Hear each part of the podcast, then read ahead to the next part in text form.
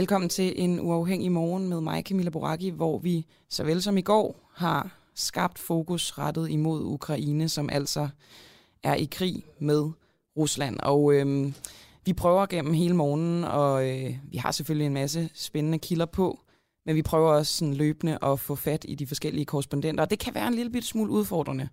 Dels fordi, at øh, de jo er i brandpunktet, men også fordi, at de tilhører andre medier, deres egne medier, som, øh, som hiver i dem. Men øh, vi har lavet en aftale med en af dem her nu. Han hedder Kjeld Hybel og er europakorrespondent for politikken og befinder sig i Ukraine. Øhm, det var jo sådan, at øh, i går nat, tidlig morgen, invaderede øh, den russiske præsident Putin Ukraine, og øh, der talte vi altså også med Kjeld Hybel, som befandt sig i Kramatorsk i øh, Donbass-regionen, som har ligesom været udspringet til hele den her konflikt. Og jeg tror, Kjeld han er med mig nu. Kan du høre mig, Kjeld? Måske ikke helt. Der er noget med forbindelsen, for jeg at vide her. I mellemtiden kan jeg måske lige fortælle, at vi har en ret så vild kilde på. Det går nok ikke lige nu, men øh, lidt senere, nærmere bestemt 8-10. Han hedder Danilo Lybivski, og han er tidligere vice udenrigsminister i Ukraine. Så det, øh, det bliver bare spændende at høre fra ham, hvordan han, øh, han ser på hele situationen. Jeg kunne egentlig også godt tænke mig at spørge ham, om han havde set det her komme. Altså alle vores, eller mange af vores danske eksperter har jo ligesom afvist, at den her krig ville komme. Men hvordan de ser på det i, i Ukraine, de har jo udtrykt øh, frygt og så videre. Og nu tror jeg til gengæld, vi har Kjeld Hybel fra Politikken med. Kjeld, kan du høre mig?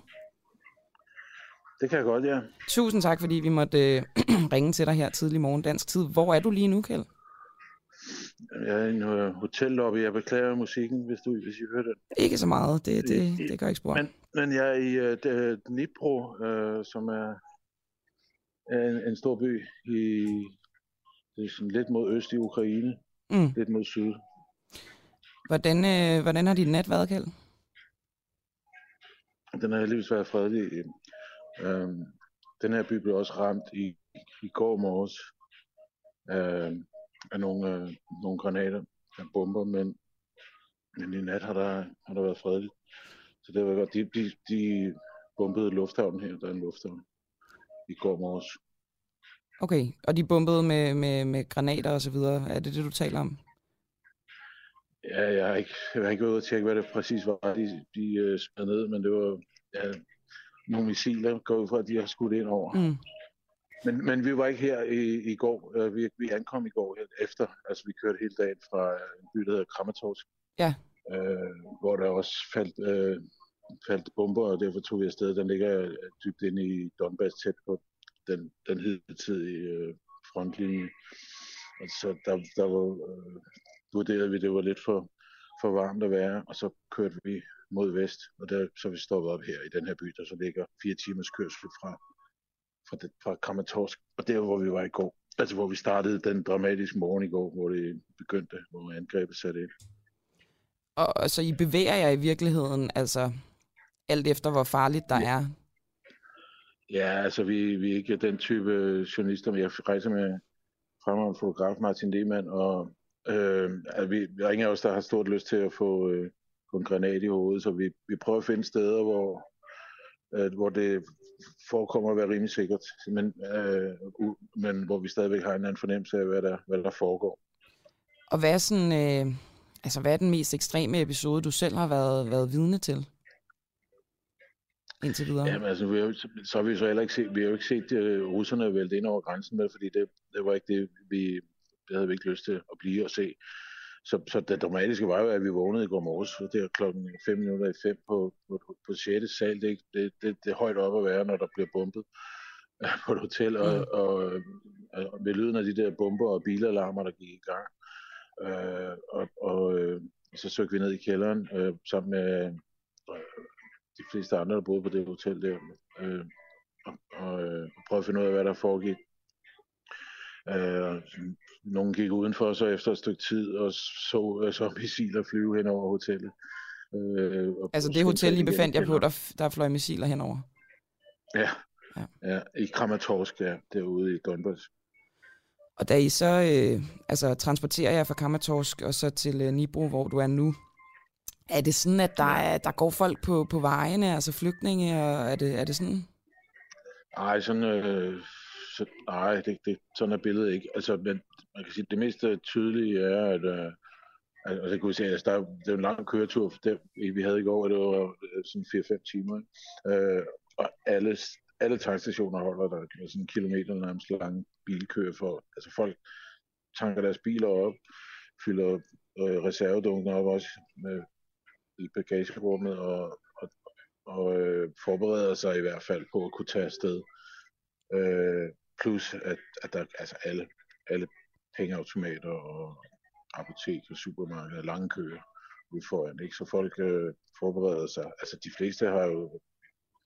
Ukrainerne er vant til krig. De fleste har tænkt sig at blive, det tror jeg helt sikkert, ikke? Altså det har de jo. Altså, og især i det område, vi var ude i i går, er, har der jo været krig i otte år. Mm. Så, øh, så de er rimelig garvede. Altså, altså i Donbass-regionen? Ja, i Donbass-regionen. Jo længere du kommer mod øst, altså hvor den østligste del jo har været besat af pro-russiske separatister. Mm siden 2014. Og hvad med jer selv? Tanker I også op på, øh, på benzin og øh, ja, medicin og kontanter osv.? ja, vi, ja, vi gør vores bedste for at være... Øh, ja, vi, altså vi har, vi har en fremragende tolk og chauffør, som er vant til at færdes i, i de områder, så, så de ved, at man skal have en reservedum i bil mm. og, og kontanter i lommen. Fordi altså, det, det er jo en af de ting, man regner med, eller nemt kan ske, er, at Putin angriber hele øh, banksystemet også, og, som lige pludselig ikke kan betale med kort mere, og, og, øh, eller hæve penge. Så det gælder om at være forberedt. Kjeld, lige her til sidst, nu stiller jeg dig et lidt, øh, lidt barnligt spørgsmål, men det er fordi, jeg sidder her på en, øh, en stol, trygt hjemme i København, men er du bange? Øh, altså i går morges var jeg en lille smule bange, det må jeg nok indrømme, det var ikke særlig rart, men øh, lige så, så, så orienterer man sig lige og synker et par gange, og så, så, så, så det føler jeg, lige nu føler jeg ikke, at jeg er bange, men, men jeg, jeg synes, det er en forfærdelig situation, altså det er, og, det, og det er mærkeligt at være øh, i et land, hvor man kan læse i ansigt. Altså her i den her den millionby, jeg er i lige nu, øh, Dnipro, men også være lige ude og gå en tur på gaden, og, altså, hvor folk står og venter på sporvogne på vej til arbejde, og det kan godt være, der er lidt færre mennesker i gaden, der vil være normalt, men men man kan godt mærke, at der er en knude, virkelig knude stemning, og den bliver man selvfølgelig selv grebet af, fordi det er så vanvittigt, det der sker lige nu. Tak for det, Kjell Hybel, altså Europakorrespondent for politikken. Ja, altså, tusind tak, fordi du lige kan være med her. Jeg ved, at øh, ja, det er kaos dernede, og at øh, du er en travl her. Ja. Så tak. Det var så lidt. Tak, det var selv tak. Hej hej. Hej.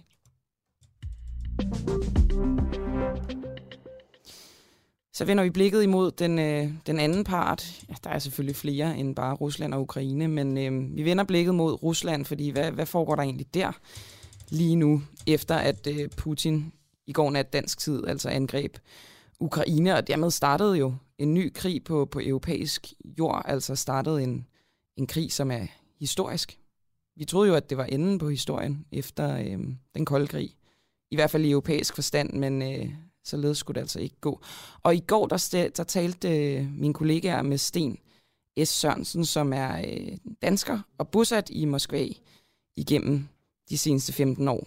Og øh, ham kunne vi egentlig godt tænke os lige at tale med igen, for ligesom at følge med i, hvad der sker i Rusland. Øh, der blev jo holdt møde i, øh, i EU i går om øh, en masse sanktioner, og vi har hørt meldinger fra Joe Biden om, at øh, det her kommer til at ramme Rusland hårdt, og spørgsmålet er jo, om det allerede nu kan mærkes i Rusland. Og øh, Sten, hvordan kan det mærkes i Rusland, at det russiske militær har angrebet Ukraine, og, øh, og godmorgen?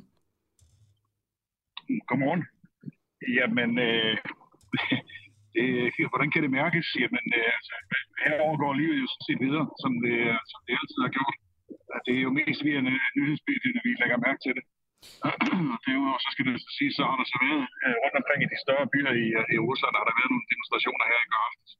I, uh, i, i oh, der faldt ud, Sten. Jeg ved ikke, om, øh, om du har headset, eller om du kan gå hen til et, øh, et vindue eller noget. Lyden, den, den knaser en lille bitte smule. Jeg har headset på. Måske men, det skal du prøve at tage det af, ja.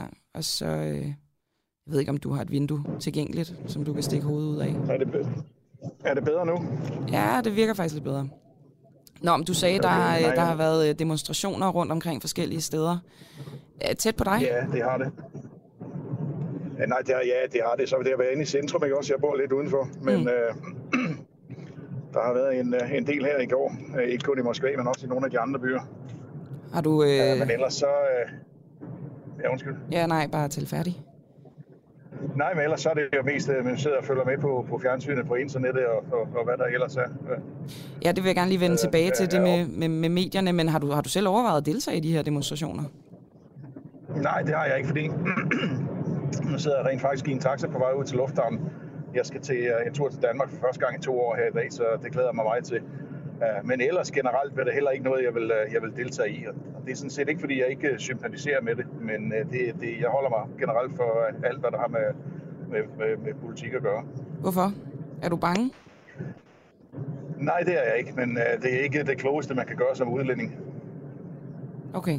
Altså, at man er, kan være altså, yderligere i fare, end hvis man havde været øh, russisk statsborger? Nej, jeg tror ikke, det, det er ikke et spørgsmål om at være i fare, men øh, der, du kan få det, der hedder administrativ straf, øh, hvis man øh, for eksempel bliver anholdt i forbindelse med en, øh, en demonstration, og det kan have en indvirkning på, hvis man skal have visum eller arbejdstilladelse eller et eller andet på et senere tidspunkt. Mm. Øh, det gælder selvfølgelig ikke for russerne, fordi de, øh, de skal hverken have arbejdstilladelse eller, eller, eller opholdstilladelse. Så for vi andre, der, der skal man være lidt mere påpasselig med, hvad man, øh, hvad man går og råder sig ud i. Hvor store er de her demonstrationer? Store er de, det ved jeg ikke. Øh, man, man snakker om, at der, der var omkring 600, der blev anholdt i, øh, i Moskva i går, så øh, de, de er selvfølgelig af en vis størrelse. Øh, Både her og, og så som sagt også i, i St. Petersborg, ved jeg, der har været større demonstrationer også. Og nu, nu fortæller du, du følger med i de russiske medier. Hvad, hvad er der blevet sådan... Altså, hvad har fokus været siden i går? Jamen altså, fokus det har været en, en bred dækning af, hvor, hvordan og hvorledes det her det, øh, det er gået i går, ikke? Og, og hvor man tror, man skal hen. Og øh, så tror jeg, øh, en af nyhederne, det er, at øh, Macron har talt med, med Putin i, øh, i går, og forsøgt ligesom at, at få lagt noget lov på det her. De forsøger at få etableret nogle, øh, nogle direkte forhandlinger mellem den øh, ukrainske præsident og, øh, og den russiske præsident, således at man måske kan finde en, øh, en, en, en mere fredelig løsning på, øh, på den konflikt, der udspiller sig i øjeblikket. Og hvordan, altså, føles det som en, øh, en objektiv dækning, eller, øhm, eller er den ligesom farvet Det på en eller anden kommer- måde? Bliver der farvet nogle skurke og så videre? Og jo, selvfølgelig bliver der farvet nogle skurke. Det, det, det gør der alle steder. Det gør der også i, i, i danske medier og, hvad der ellers er, altså vestlige medier. Mm. Men det kommer lidt an på, hvad det er for nogle medier, man, øh, man følger. Øh, Hvis man følger de, øh, de, de typiske russiske, det man kalder statsmedier, fjernsynskanaler og sådan noget, så er de selvfølgelig lidt mere farvet end, end nogle af de andre. Det, de sådan lidt mere uafhængige medier. Og, og, og hvem, er de, selv hvem er de øh, vredest på? Hvem er de vredest på? Hvis, jamen, det er jo, at øh, man, man mener, at, øh, at, at øh, man er blevet presset ind i, ind, i det her hjørne, og så det her det er næsten på et eller andet niveau, hvor, hvor, hvor uundgåeligt. Mm. Har du nogen øh, eller venner eller familie eller folk, du kender, som befinder sig i Ukraine lige nu? Uh, ja, ja, det, det, det har jeg. Jeg, jeg, jeg har en, øh, en, en, en del venner, som arbejder derovre og sådan noget, og som også øh, hvad nu det hedder, skriver på internettet og sådan noget, og selvfølgelig er, er, er bange. Jeg kender folk, der bor i Kiev, uh, som sidder i deres lejlighed og ikke rigtig tør gå udenfor. Er, er de bange for andet end det oplagte? Altså, øhm, det her med, at selvfølgelig er det sindssygt farligt, der flyver missiler om ørerne på dem, men, men hvad med sådan noget med varemangel? Øh, Er de, er de bange for forsyning, for eksempel? Nej, så dem jeg kender, de, er, de har så været kloge nok til, kan man sige, at, at sørge for, at de har øh, noget på lager, ikke? Øh, friske øh, drikkevand og noget dåsemad og, og forskellige andre produkter. Så, så det er i hvert fald noget, der kommer til at vare i en, øh, i en periode, det de har, ikke? Men øh, der er jo ikke nogen, der ved på nuværende tidspunkt, hvad der kommer til at ske. Øh, om, om, den, om, om, om den russiske her rykker, rykker ind i, i Kiev, eller de holder sig udenfor, eller hvad der kommer til at ske. Tak for det, øh, Sten Sørensen, altså dansker bosat i Moskva de seneste 15 år på vej til, til Danmark. Du, jeg går ud fra, at du skal tilbage igen. Jeg skal spade den 8. marts. Okay, det kan være, at vi ringer igen der, så tak fordi du vil være med. Velbekomme.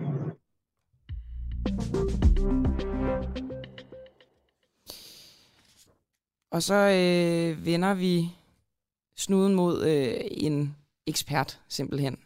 han hedder Claus Mathisen og er lektor i russisk ved, øh, ved Forsvarsakademiet, for ligesom, altså, jeg skal være ærlig at sige, selvom jeg følger meget ved, og vågner om natten og prøver at holde mig opdateret osv., så, så synes jeg, det er ret svært at danne sådan, det fulde overblik over situationen øh, i Ukraine lige nu. Altså, hvad, hvad har russerne indtaget? Øh, lufthavne, som bliver bombet, og hvor langt er de fra ligesom at indtage øh, Kiev? Så derfor kan det være meget godt lige at alliere sig med nogen, der øh, er vant til at bevare overblikket i, i sådan nogle her situationer. Det er jo også svært med altså, de meldinger, man får. Hvad kan man ligesom stole på? Hvad skal man stole på? Og, og, og så videre. Og nu har jeg altså Claus Mathisen med mig her. Og Claus, øh, tænker at starte med at spørge dig, om du ikke kan give os et overblik over situationen, og godmorgen selvfølgelig.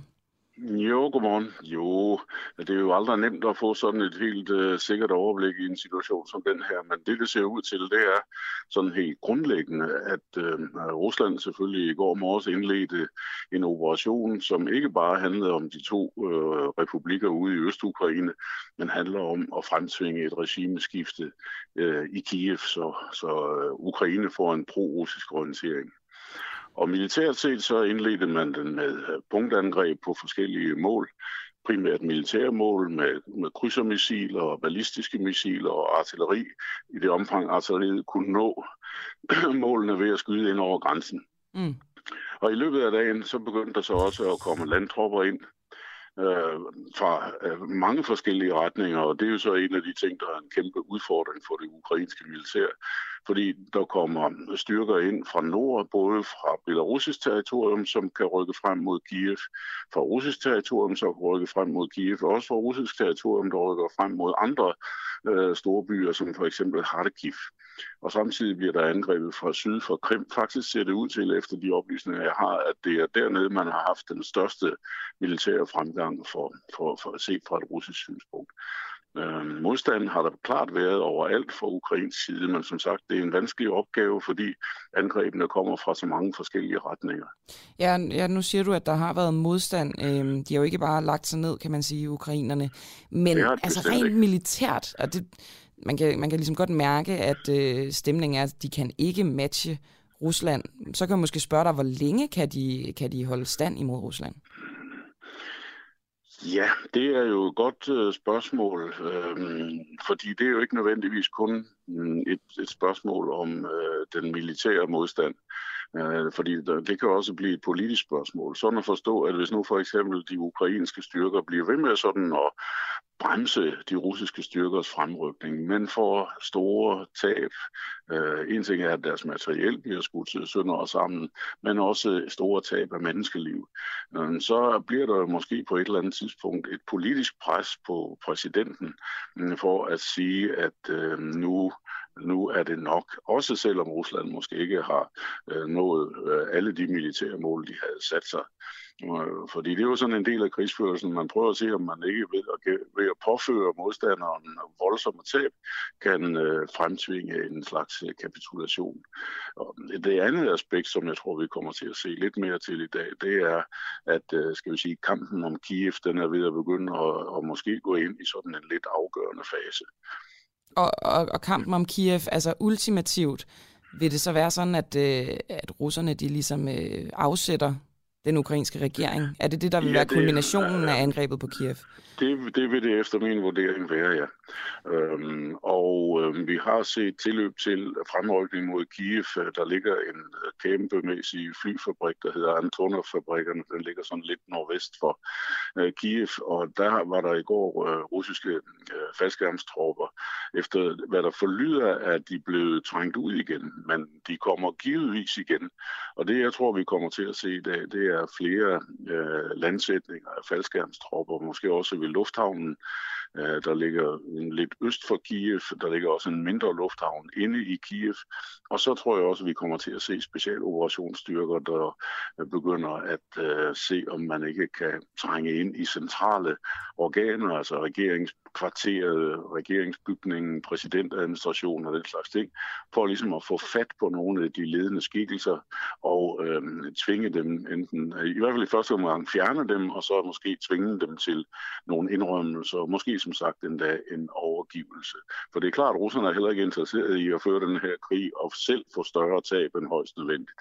Nej, men det er jo også det, jeg tænker, altså, hvor er ukrainernes bedste chance sådan rent militært? Altså snakker vi, er det i luften? Er det på land? Det lyder Nej. ikke sådan, at de bliver angrebet fra alle sider, men kan det også være noget med forsyning? Man kan sige, øh, den vestlige verden er sikkert hurtig til at, at forsyne øh, ukrainerne både med, med fødevarer og militært materiel, og sådan er det jo ikke for Rusland. Altså, kunne det være noget, der kunne, øh, kunne skade Ruslands indrykning? Jeg er ret sikker på, at Rusland er rimelig forberedt på, hvad de skal bruge af brændstof og ammunition og forplejning til personalet og den slags ting og erstatningskøretøjer. Det er jo faktisk noget af det, man har set, inden krigen startede, at det blev ligesom forberedt, og det var med til at, at fortælle øh, eksperterne, at øh, det her det lignede altså noget, der rakte langt ud over øvelsesvirksomhed. Øh, der kunne godt være et angreb undervejs. For ukrainernes vedkommende, jamen de er jo på hjemmebane, kan man sige, hvilket jo altid giver nogle fordele, også i forhold til at øh, have forsyninger og forplejning. Til gengæld tror jeg, det bliver uhyre vanskeligt, hvis ikke umuligt, øh, for eventuelle øh, lande i Vesten, der vil hjælpe, så bliver det meget vanskeligt at få det fra, bragt, bragt ind i øh, Ukraine, fordi luftrummet er lukket for eksempel. Og det vil sige, hvis et eller andet transportfly af en slags skulle flyve noget ind, jamen, så vil jeg faktisk vurdere, at der er en risiko for, at det bliver skudt ned. Det vil så være en voldsom optrapning i forhold til de vestlige lande, hvis mm. for eksempel et tysk eller amerikansk eller britisk fly øh, skulle blive skudt ned. Vil det, vil det kunne få altså Vesten til at rykke øh, deres grænse, så at sige? Altså at de vil være, deltage mere direkte, hvis sådan noget sker? Jeg er, jeg er bange for, at øh, hvis sådan et enkelt transportfly skulle gå hen og blive skudt ned, Gud forbyde det, øh, så vil man stadigvæk ikke ind i direkte militær clinch med, øh, med Rusland. Øh, sanktionerne vil selvfølgelig få endnu måske et klik opad, hvis der efterhånden findes flere klik opad. Men øh, nej, jeg tror ikke, det kan få, det, det, det kan ikke udløse en konflikt, der inddrager NATO-landene, fordi det kan få uoverskuelige konsekvenser. Og nu sagde du før i dit spørgsmål noget om luftrummet. Desværre kan man sige, set fra et ukrainsk synspunkt, så er det sådan, at øh, netop i luftrummet er Rusland betydeligt stærkere end øh, ukrainerne er. De har øh, fly, jo, bevares, men de er ikke øh, super opdaterede og moderne. Øhm, altså ukrainernes, og øh, de vil i, øh, på meget meget hurtigt komme øh, i vanskeligheder i, i luften, og det synes jeg også, der har været øh, tegn at se til, at, at ukrainerne har svært ved at operere med deres fly i luften. Så det er en vanskelig situation, ukrainerne står i, og jeg kan godt øh, tro, at hvis vi, jeg kan godt have en fornemmelse af, at hvis vi taler øh, den, sådan, den officielle krig, nu taler jeg ikke om den guerillakrig, der måske kan følge efter, men så kan den godt måske vare nogle dage maksimalt ved at vurdere et, et par uger endnu. Tusind tak for den uh, vurdering og analyse, Claus Mathisen, lektor i russisk ved Forsvarsakademiet. Ja, selv tak. Og nu har vi uh, været så heldige at få fat i endnu en uh, korrespondent, en vi ofte taler med her på den uafhængige. Han hedder Jakob Illeborg, han er BT's internationale korrespondent. Og uh, inden vi lige får ham ringet op ude i regien, kan jeg måske altså, tage lidt af en, øh, en detur, fordi vi, vi dækker selvfølgelig øh, situationen i Ukraine tæt. Især her i første time af en øh, uafhængig morgen. Men vi kommer også til at, øh, at snakke om andet i den her morgenudsendelse. Blandt andet en historie, som, øh, som vi har haft ret meget fokus på her i, øh, i øh, den uafhængige, nemlig sager om økonomisk IT-kriminalitet, som er, øh, hvad skal man sige, uopklaret. Der ligger 48.000 sager på politiets spor, og øh, en af offrene for det her skal vi snakke med. En, som, øh, som fik sin sag henlagt, fordi at sagsbehandlingen tog alt, alt for lang tid. Ham snakker vi med lidt i 8, og nu vender vi altså tilbage til konflikten, eller krigen er det jo nu i Ukraine. Jakob Billeborg, øh, hvor befinder du dig lige nu, og godmorgen? Godmorgen. Øh, jeg befinder mig i øh, Kiev. Øh, jeg tror, det jeg tror, jeg, da jeg talte med jer i går, øh, der var jeg i en bil på vej ud, at prøve at komme ud af Kiev mod Lviv, øh, og måtte opgive det, og øh, vende tilbage og øh, rapportere nu fra, fra Kiev, øh, som jo også har forandret sig ganske, ganske radikalt i løbet af det sidste døgn. Ja, og det skal vi lige vende tilbage til, men fortæl lige, øh, hvorfor du ville ud af Kiev i første omgang forsøgt på det?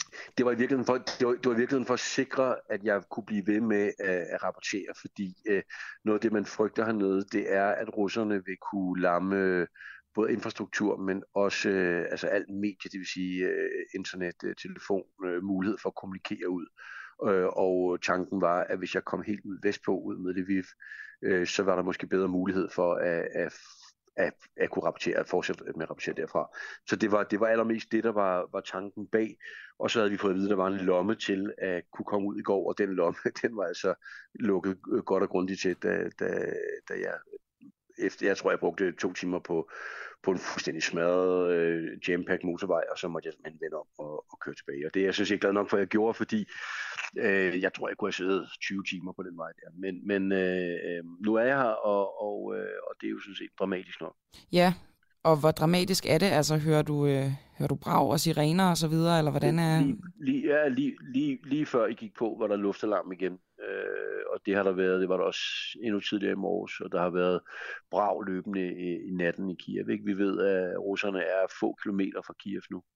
Øh, og og, øh, og det, det vil sige, at, at man må antage, at, at, øh, at de går efter at, at indtage Kiev og, og, og, og fremtvinge et regimeskifte. Og, og det store spørgsmål er jo så, hvordan både Kievs borgere og øh, de selv de selvbestaltede militser, der er her, og øh, selvfølgelig også militæret forholder sig. Altså vil man lægge sig ned, det tror jeg ikke, der er meget, der tyder på. Mm. Og hvis man ikke vil det, så kan det jo blive øh, en blodig omgang. Og hvor, hvor sidder du lige nu? Jeg sidder på øh, et hotel øh, i øh, helt inde i den indre by. Er du, hvilken etage er du på? Okay. Jeg, jeg er på 9. etage. Okay. Er det ikke lidt farligt? Ja.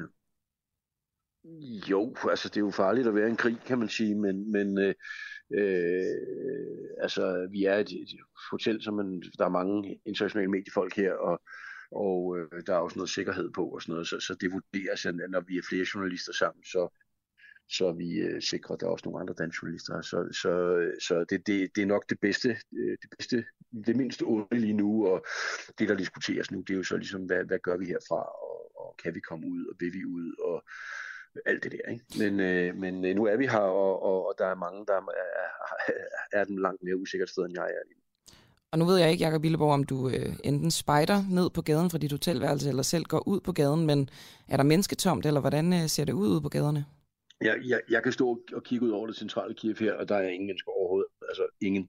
Der har jo været udgangsforbud i nat, øh, og, og det har folk naturligvis holdt, men altså det, det her område, jeg kigger på, ville være fuld af mennesker øh, normalt sådan en fredag morgen, og det, det er fuldstændig tomt. Øh, og altså, dem jeg har talt med af mennesker, jeg har lært at kende hernede, mens jeg har været og har Øh, mange af dem er har forladt Kiev, øh, er prøvet at søge, søge mod Rumænien, mod Polen, eller bare ud på landet væk på en eller anden måde.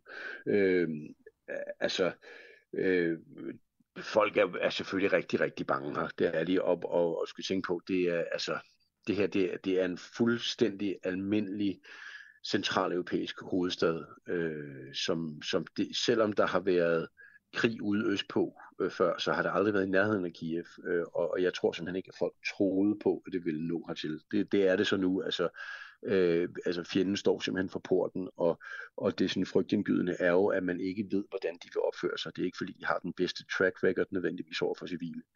Øh, så, så, så det er, det, det, det, er en, det er nogle mørke timer i, øh, i Kiev, det her.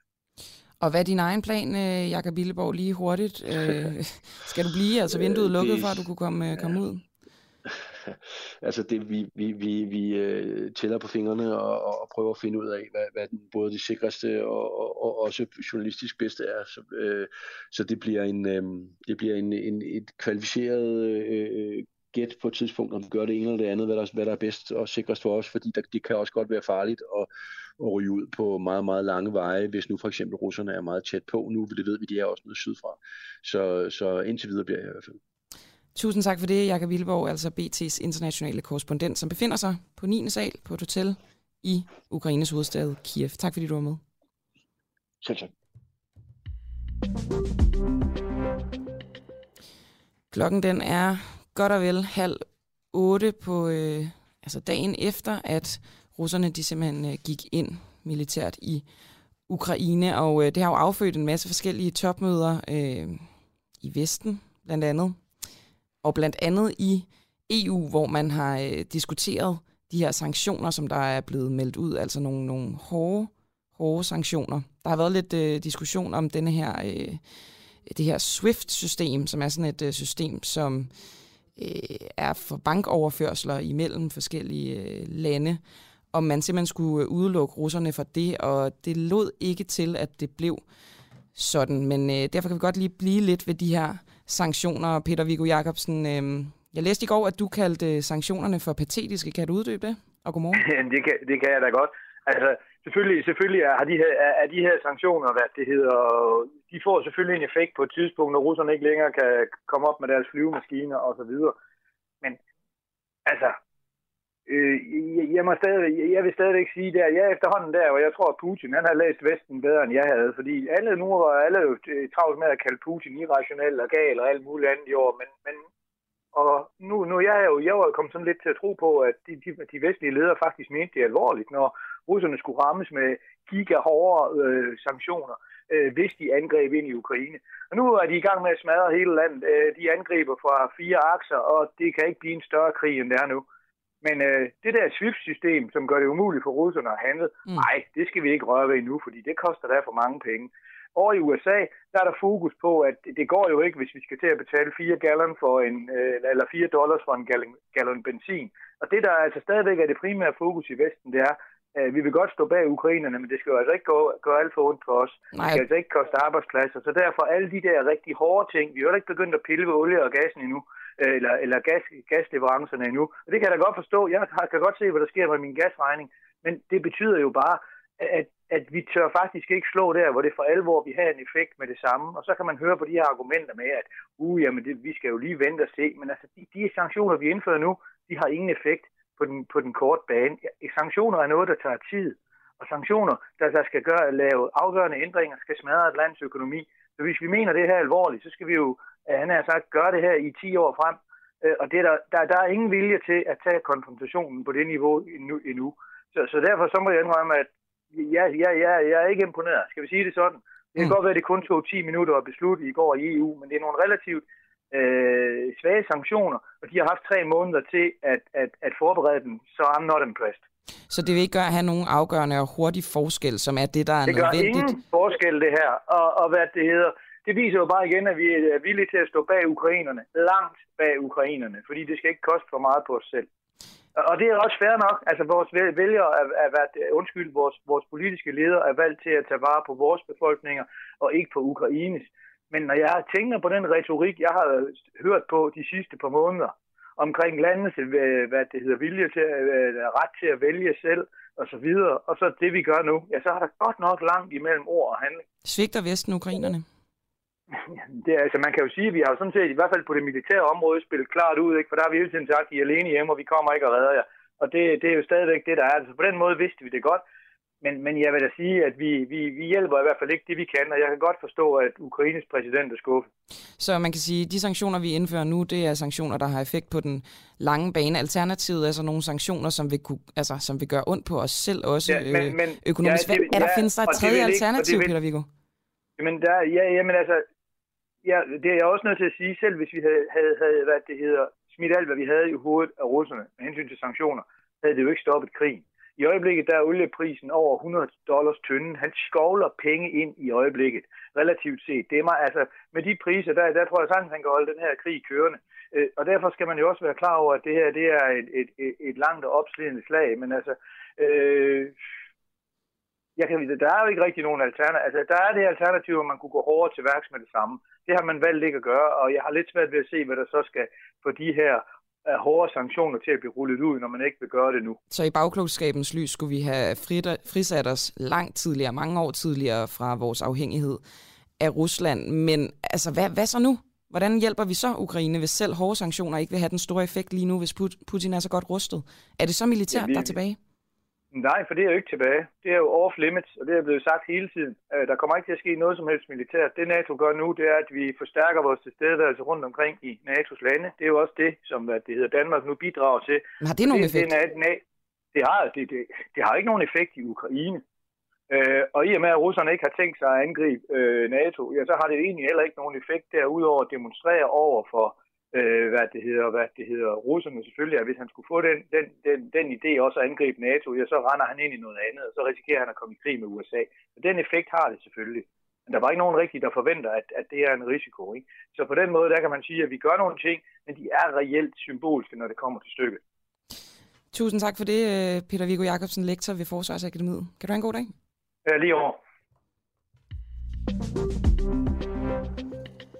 Og vi bliver lidt i det her med, øh, med økonomien, øh, fordi selvom øh, Peter Viggo han her fortæller, at de sanktioner, som vi indfører, øh, de ikke er sådan de hårdeste, og det er blandt andet fordi, at vi ikke vil have, at de skal ramme os selv, så kan det jo godt være, at det trods alt har en eller anden effekt på Danmark. Og øh, det skal vi altså snakke med Lars Christensen, som er uafhængig økonom om. Og jeg skal selvfølgelig også lige sige, at vi holder selvfølgelig løbende øje med, hvad der sker i Ukraine. Hvis der tjekker nogle, øh, nogle nyheder ind her i løbet af udsendelsen, så skal vi nok holde jer opdateret. Der sidder gode folk ude i regien, Klarvind og Oliver Nobenau.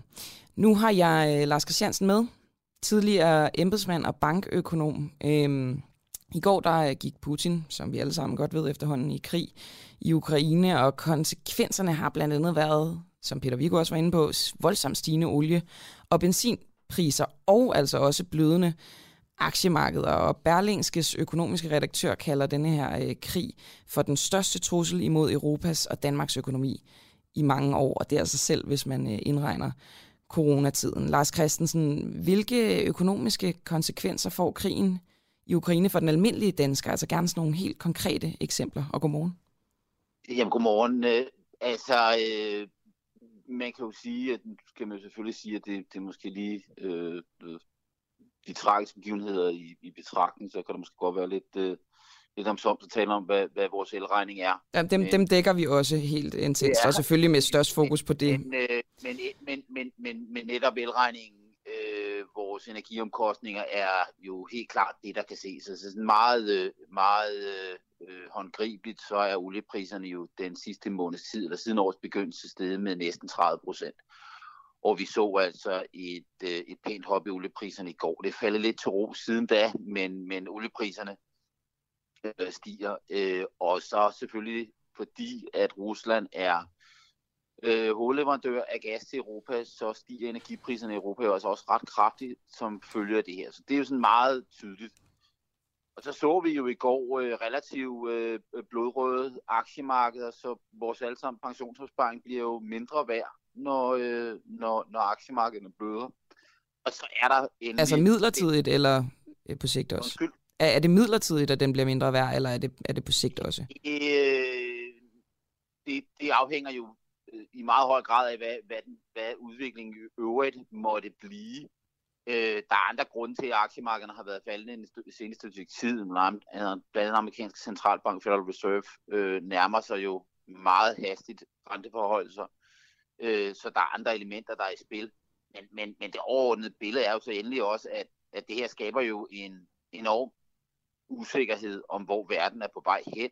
Øh, hvordan skal vi indrette vores samfund i fremtiden? Hvor meget samhandel skal vi have? Øh, det er en verden, der lukker sig.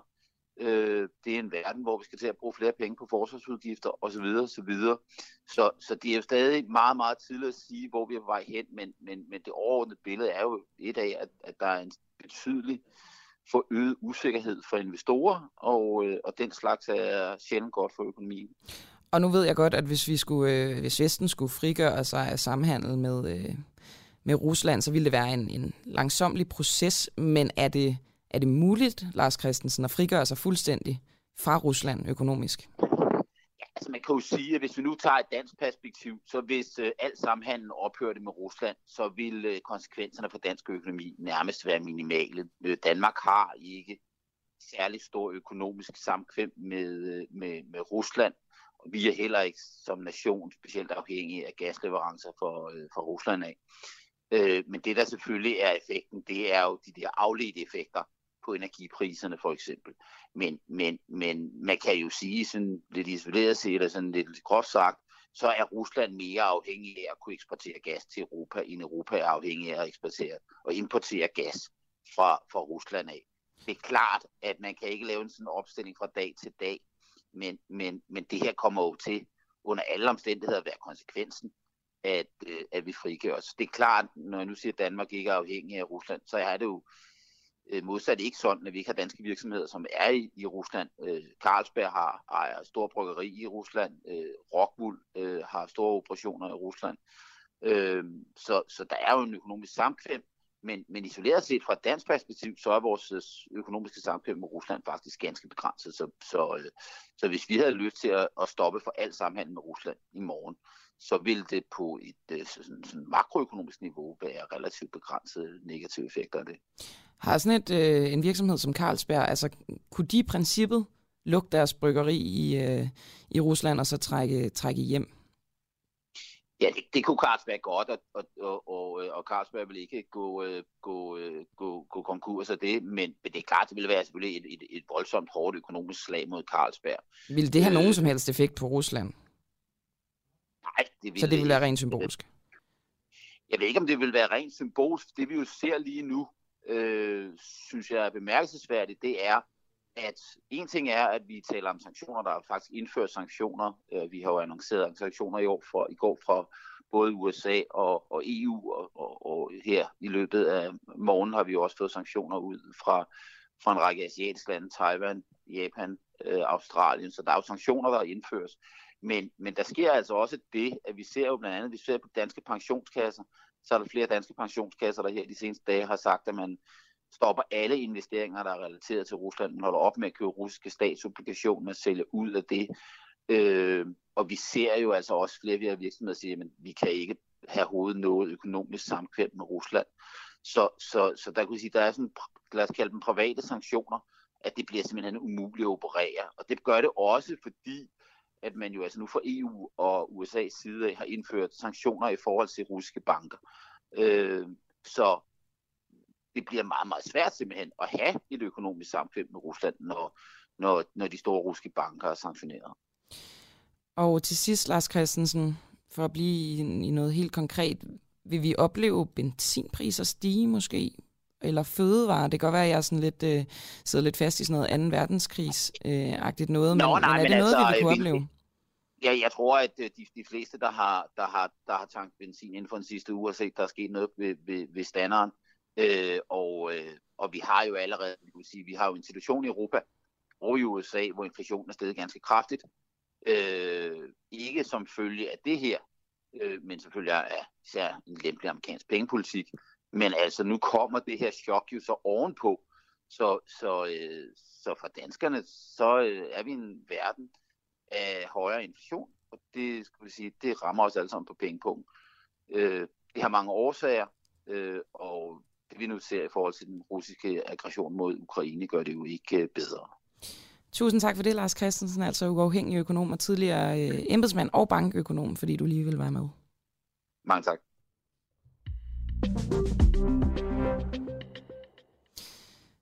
Det var meget interessant, synes jeg, Lars Christensen, der lige sådan, øh, lavede en disclaimer, lige før han gik på, at øh, det på en eller anden måde kunne øh, synes øh, upassende at sidde og snakke om danske elpriser, og hvilke konsekvenser har den her krig for Danmark. Det kunne jeg også se inde på øh, det skønne medie Twitter i går, øh, fordi der var det her pressemøde med Mette Frederiksen, hvor der var en, der spurgte nemlig ind til, til stigende elpriser. Det var upassende. Altså helt personligt, der synes jeg ikke, at det er øh, upassende, hvis så fremt, at man altså dækker konflikten hovedsageligt selvfølgelig, hvordan det er for ukrainerne og hvad der foregår der, så må man altså godt øh, vinkle det ud øh, på andre ting også. Men øh, det kan være, I er uenige. I må i hvert fald meget gerne øh, give jeres bud med inde øh, på Facebook i kommentarsporet, eller altså sende en sms som vanligt til 1245. Skriv DUAH og så et mellemrum, og så din, øh, din besked. Vi vil altid gerne høre, hvad I synes om øh, den måde, vi vælger at dække, den på, dække øh, tingene på her på den uafhængige. Hej, Clara Vind. Du kigger på mig. Vi øh, skal spille et klip, som jeg har fået at vide af Clara. Øhm, jeg ved ikke helt, hvilken knap jeg skal trykke på. Lad os se her. Er der noget lyd? Der er ikke noget lyd. Det er noget med en øh, ukrainsk ambassadør, som siger til en øh, russisk øh, ambassadør, øh, there is no purgatory for war criminals. They go straight to hell, ambassador.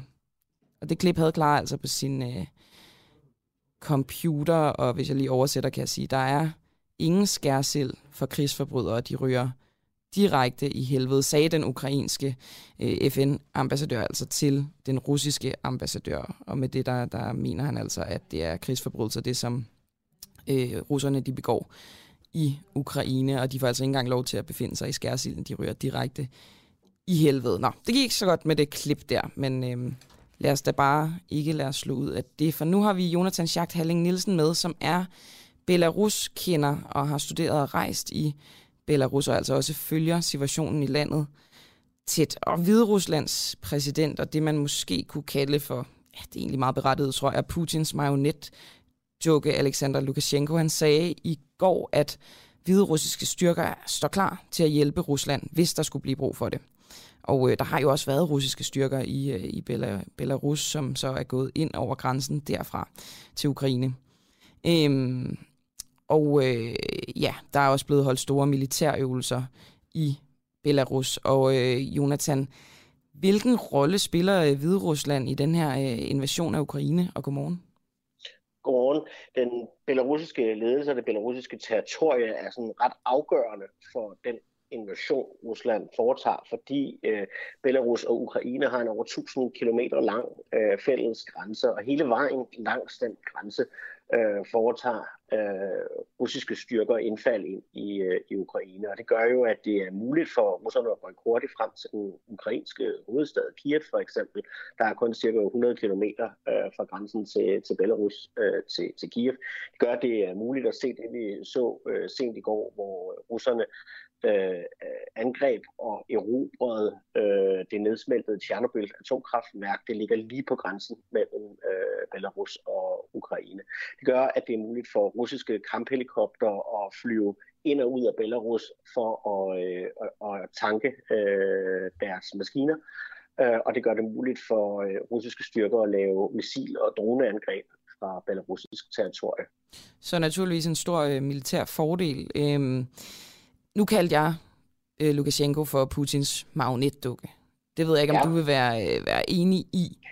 Hvis du er det. Du, kan, du ja. kaldte ham også øh, præsident, og der vil jeg i hvert fald lige sige, at øh, det er jo ikke anerkendt af nogen, fordi alle mener sådan set, at han tabte øh, valget mm. tilbage i, i august 2020. Han vil nok kalde sig selv det.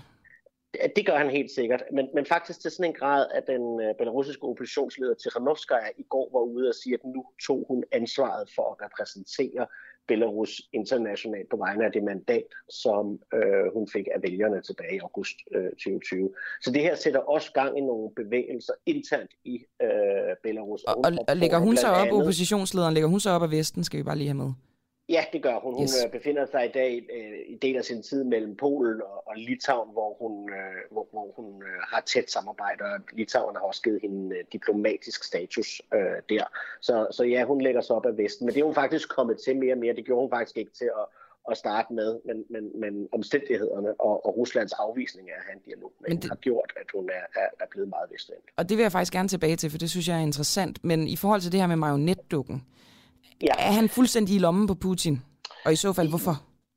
han er i hvert fald meget i lommen på Putin. Man skal huske, at, at, uh, Lukashenko har egentlig altid forsøgt at bevare og have en relativt fri position. Derfor har man talt om, at den klassiske belarusiske diplomati var det, man kaldte penduldiplomati, hvor pendulet sådan svingede uh, fra øst til vest uh, med jævne mellemrum. Uh, og det har været uh, Lukashenkos måde at kunne hele tiden have noget at handle med, også i forhold til, uh, til, til Rusland fordi Rusland var helt afgørende for, at Lukashenko kunne øh, holde på magten efter han tabte valget i august 2020, så, øh, så er forbindelsen til Vesten øh, røget, og han er ensidigt i lommen på, øh, på Putin. Når det er sagt, så forsøger han faktisk en gang imellem at se, om han kan skabe sig lidt manøvre. Så han gik jo ikke med ud og anerkendte øh, Luhansk og Donetsk som selvstændige republikker, selvom mm. det klart var Putins øh, ønske. Men omvendt her, hvor det så er centralt for russiske interesser at, at kunne benytte belarusisk territorie, så har han ikke, heller ikke længere øh, kræfterne øh, til at stå imod, øh, fordi han er afhængig af øh, Putins opbakning for selv at kunne holde på magten i Belarus. Og det er det, jeg synes, det bliver interessant, det her med, at du fortæller, at øh, oppositionslederen ligesom rykker på sig. Altså hvis det nu kom til interne konflikter i Hvide Rusland, ville de så få russisk opbakning? Øh, man kan i hvert fald sige, at det, som oppositionslederen prøver at gøre, er at opfordre blandt andet dele af øh, det belarusiske magtapparat, øh, og herunder måske hæren især, til ikke bare at være blindt lojal over for, øh, for, for, for Lukashenko. Og her taber hun ind i noget, som ligger ret dybt i den belarusiske øh, befolkning.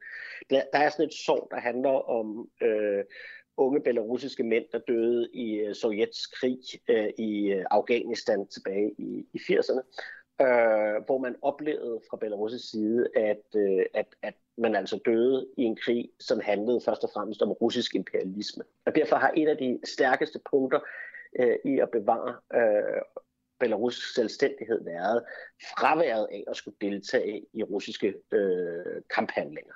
Øh, og, øh, og, og den fortælling står meget stærkt i det belarusiske øh, samfund. Derfor så er øh, det, som øh, Tikhanovskaya spiller på, selvfølgelig, at, øh, at der lige nu er en fare for, at russiske tropper bliver direkte koblet til kamphandlingerne. Øh, øh undskyld, belarusiske tropper bliver direkte koblet til kamphandlingerne i Ukraine.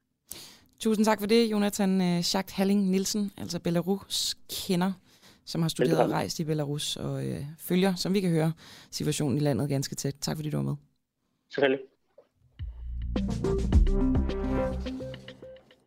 Og nu prøver vi ligesom, altså hvis I lyttede med i går, så var det jo sådan en, øh, en særudsendelse, hvor fladen blev ryddet, og øh, der on air blev ringet op til forskellige kilder.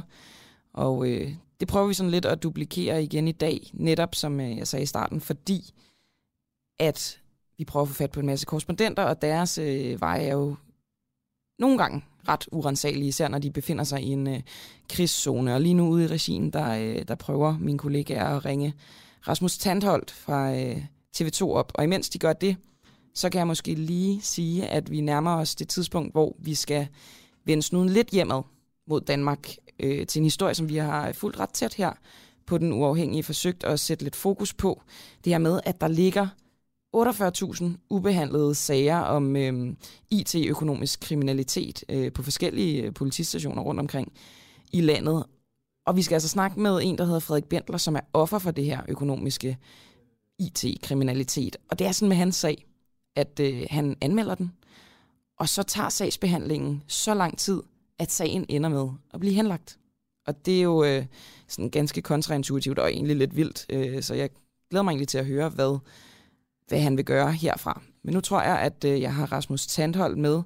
Rasmus, hvor øh, befinder du dig lige nu, og godmorgen?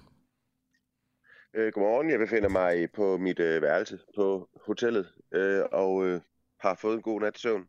Så alt er godt her. Og kan du lige sige, hvilken by du befinder dig i til vores lyttere også? Jeg befinder mig i Kharkiv i det østlige Ukraine, cirka 30 km fra grænsen til Rusland. Og øh, Rasmus, hvad er det vildeste, du har oplevet, siden vi talte med dig i går? Ej, det må være, da jeg var nede i metroen øh, og øh, oplevede, hvordan tusindvis af mennesker sidder dernede, øh, som jo er mennesker, der har forladt deres hjem, øh, familier med børn, øh, som øh, ligger der og sover. Metroen kører jo ikke, mm. så det er ikke derfor, de er der. For at komme med toget, det er simpelthen for at beskytte sig selv mod, øh, mod bomber. Øh, metroen den ligger jo 20 til, til 20 meter under jorden. Øhm, og det må jeg sige, det var øh, sgu hjerteskærende at, øh, at stå der og, og se på de mennesker. Altså det minder om et eller andet fra øh, 2. verdenskrig. Øh, folk sidder dernede. Øhm, det må jeg sige, det, øh, det synes jeg var, det synes jeg er det mest, noget af det voldsomste jeg oplevede, så kan man sige, så var det også voldsomt, da vi var 10 km uden for Kharkiv og kunne se hvordan øhm, øh, en russisk kampvogn var i brand. To russiske mandskabsvogne var blevet forladt. Der lå en russisk soldat dræbt på jorden. Øh, der lå en civil øh, dræbt på jorden ved siden af sin bil, som var blevet skudt af russerne.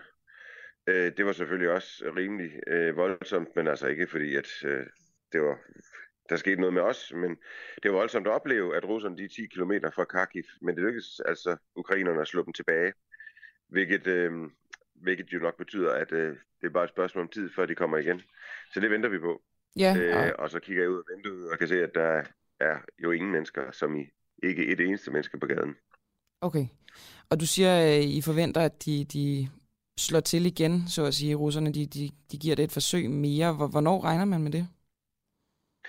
Ja, det har jeg ikke nogen, øh, kan man sige, idé om, men altså det er klart, at øh, hvis russerne har besluttet sig for at invadere Ukraine, så øh, giver de jo ikke op, fordi de bliver slået tilbage i første forsøg. Derudover så har de jo andre ting i værktøjskassen, russerne kan bruge, øh, hvis de skulle få lyst til det. De har jægerfly, så de kan jo også bombe de militære enheder, som øh, slår dem tilbage, hvis de skulle øh, få lyst til det. Øh, og det er jo også et middel, som de sikkert snart begynder at tage i brug for alvor. Øh, og det er jo der, hvor det begynder at blive farligt for civilbefolkningen, fordi jamen, nogle af de militære enheder, de befinder sig jo også i civile områder, øh, hvor de jo skal forsvare almindelige mennesker.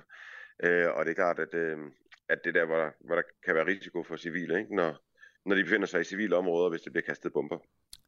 De her folk, der er de civile, der søgte ned i metroen, jeg går ud fra, at du talte med nogle af dem. Hvad var, hvad var planen? Hvor længe ville de blive nede i, altså under jorden øh, og søge beskyttelse Ja, der? det kunne de ikke rigtig sige. Problemet er jo, der er jo ikke øh, særlig mange, der har biler.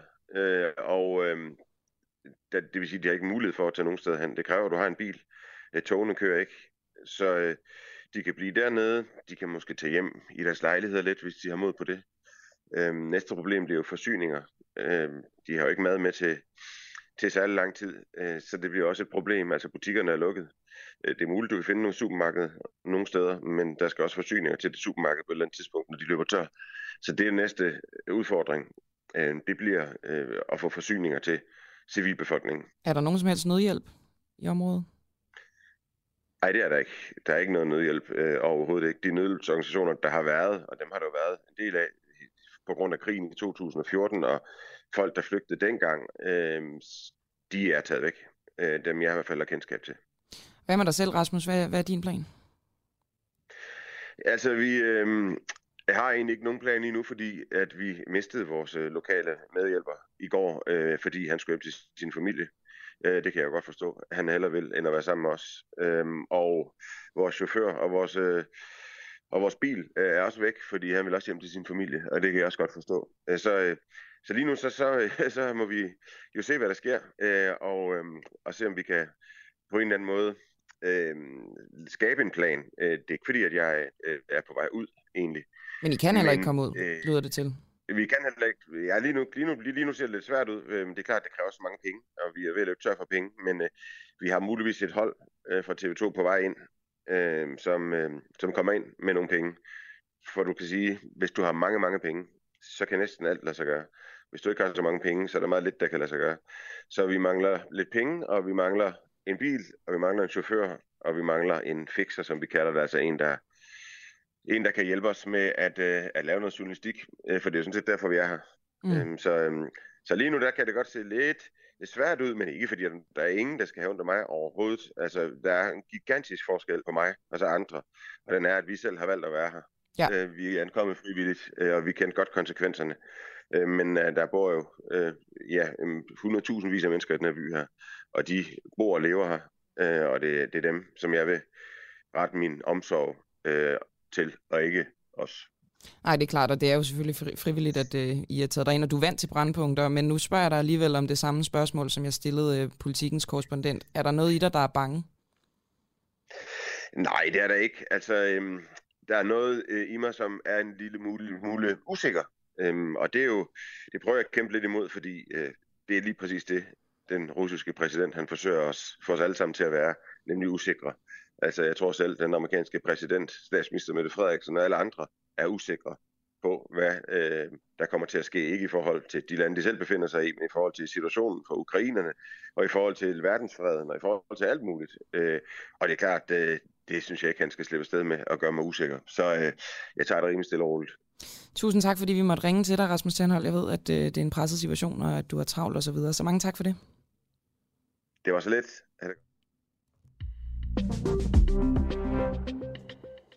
Og så får jeg at vide, at øh, vi rykker en lille bit smule rundt i programmet, og altså skal snakke med den tidligere viceudenrigsminister i Ukraine. Han hedder Danilo Lubiv, Lubivski. Øhm, for ligesom bare at, at tage et, øh, altså en, som er øh, ægte ukrainer, så at sige, ikke bare dansk øh, korrespondent. Øhm, og så også en, som har været dybt øh, inde i det politiske system i Ukraine, om, øh, om de havde forventet, at det her ville ske, og hvordan de havde forventet det, og hvad, hvad hans vurdering af situationen ligesom er. Øhm, og imens vi venter på, at han er på, kan vi måske lige tage og lytte til, hvordan Putin han annoncerede øh, den her øh, militære invasion af Ukraine. Мною принято решение о проведении специальной военной операции. Ее цель – защита людей, которые на протяжении 8 лет подвергаются издевательствам, геноциду со стороны киевского режима. Og jeg sidder her øh, foran mig med et uddrag af den tale, som øh, Putin han, øh, han holdt her. Og jeg kan måske lige læse noget op øh, fra det, fordi det er jo ret interessant, hvordan Putin han selv framer det her. Altså hvordan han på en eller anden måde forsvarer det. Øh, han taler meget om Vesten, som har brudt en masse aftaler. Øhm, og øh, hvis jeg lige læser et uddrag op, Øhm, så siger han, lad mig begynde, hvad jeg sagde i min tale fra den 21. februar i år. Det drejer sig om det, som giver os grunde til særlig bekymring og angst. Om de grundlæggende trusler er der år for år, skridt for skridt, groft og uden videre, blevet skabt øh, i forhold til vores land af uansvarlige politikere i Vesten. Jeg sigter her til NATO-blokkens udvidelse mod øst, som har bragt dens militære infrastruktur tættere på de russiske grænser. Altså føler Putin sig simpelthen troet af NATO. Og så begynder han også at tale om, øh, hvad skal man sige, hvordan Vesten har, øh, har blandet sig i konflikter andre steder i verden. Han siger, så kom turen til Irak, Libyen og Syrien. Den illegitime brug af militærmagt mod Libyen, Libyen. Perversionen af alle beslutninger i FN's Sikkerhedsråd om det libyske spørgsmål førte til en fuldstændig ødelæggelse af staten. Øhm, og så siger han også, trods alt vi gjorde i december 2021, Øhm, trods alt gjorde vi i december 2021 et yderligere forsøg på at blive enige med USA og dets allierede om principperne for at betrygge sikkerheden i Europa og om et stop for flere NATO-udvidelser. Alt det viste sig forgæves. USA's holdning ændrer sig ikke. Amerikanerne anser det ikke for nødvendigt at forhandle med Rusland om nøglespørgsmål for os. Hellere vil de forfølge deres egne mål og negligere vores interesser. Jeg bliver lige lidt ved med at læse op af den her tale, dels fordi jeg synes, det er interessant, hvad Putin siger, hvad han ligesom begrunder den her invasion med. Altså det, når, når jeg snakker med, med mine venner, så er det første, de, øh, de spørger, eller vi spørger hinanden om, det er, hvorfor? Altså, hvad skal han bruge Ukraine til? Hvad er hans interesse for det her? Det kan man måske få en lille bitte smule færd af, hvis man, øh, hvis man oversætter det, som han siger, og det har information altså gjort her for os, og det er det, jeg sidder og læser op af. Så siger han også, øh, og det er så det, der handler om Donbass-regionen, som jeg gav udtryk for i min tidligere tale, kan man ikke se på, hvad der sker i Donbass uden medfølelse. Det var simpelthen umuligt at udholde alt dette. Det var nødvendigt øjeblikkeligt at stoppe dette mareridt. Folkedrabet på de millioner af mennesker, der bor der, som kun stoler på Rusland kun håber på os. Det var disse forhåbninger, følelser, smerte hos mennesker, der, var, der for os var hovedmotiv for at træffe en beslutning om at anerkende Folkerepublikken Donbass. Yderligere er det vigtigt at understrege følgende. De ledende NATO-lande støtter, for at nå deres egne mål, ekstreme nationalister og nynazister i Ukraine i alt, og at de til gengæld aldrig vil tilgive Krims og Sevastopols indbyggere deres frie valg, genforening med Rusland. Altså man kan jo godt høre, at der bliver, øh, der bliver lagt stort tryk på patos. Ikke? Han bruger kæmpe store ord, kæmpe store følelser for ligesom at begrunde den her invasion af Ukraine. Hvor der simpelthen også bliver nævnt øh, noget som nynazister. Det synes jeg selv var, var ret vildt. Øhm, men det var altså startskuddet på, på den her militære invasion. Det var øh, de kampe, som der jo har været i Donbass-regionen i mange år efterhånden. Øhm, og det er altså også det, som, som Putin har brugt som startskud. Men det er jo ikke kun der, han er øh, gået ind i landet. Altså det er fra flere sider. Blandt andet, som vi hørte lige før, også øh, fra Belarus.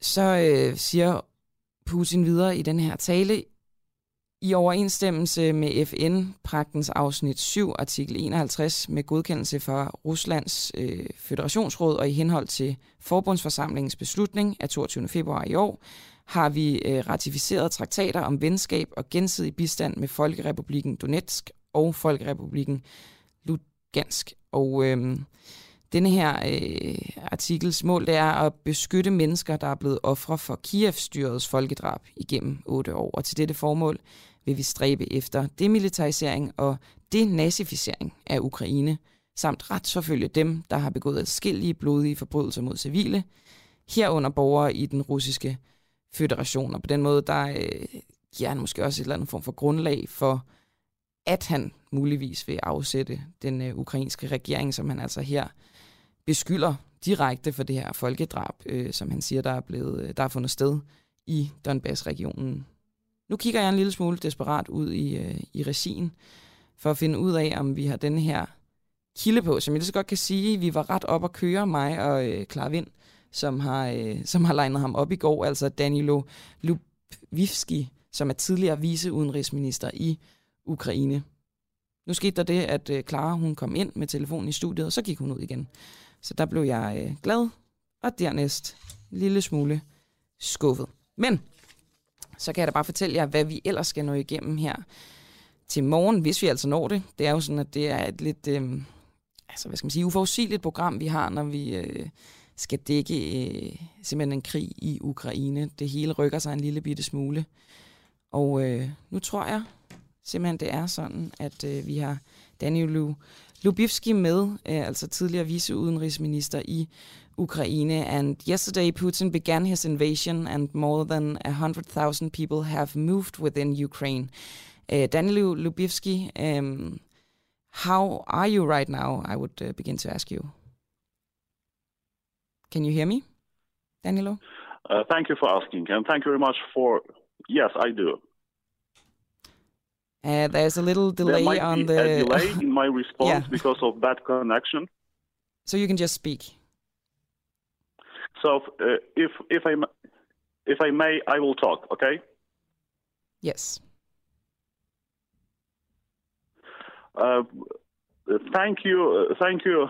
Relatively, uh, uh, we are fine, and uh, but definitely, uh, uh, what we see right now is a tremendous tragedy and uh, absolutely unprecedented war against humanity waged by uh, absolutely insane dictator Putin.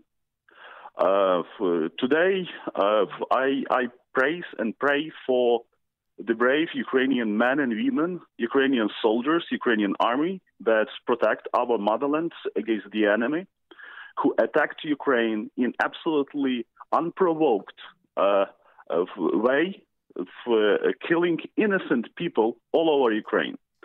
Uh, yesterday night was very dramatic. There were a number of loud explosions over the sky over uh, in Kiev. Uh, there were casualties, fires, fire on the street in the in the buildings with uh, for innocent civilians. Uh, Russians continue to attack Ukraine. They try to invade and come to and encircle Kiev. Uh, but the most important thing is that Ukraine fights back. And uh, uh, uh, I, I, I understand that uh, Putin thought that would be an easy journey, but Ukraine resisted, and Ukraine will resist. Since this is war not only for us, but this is the war for human values and principles and a civilized world order. And for that, we count on the international support. Is it even possible for you to resist uh, the Russians? Do you have the military that uh, makes you able to do that?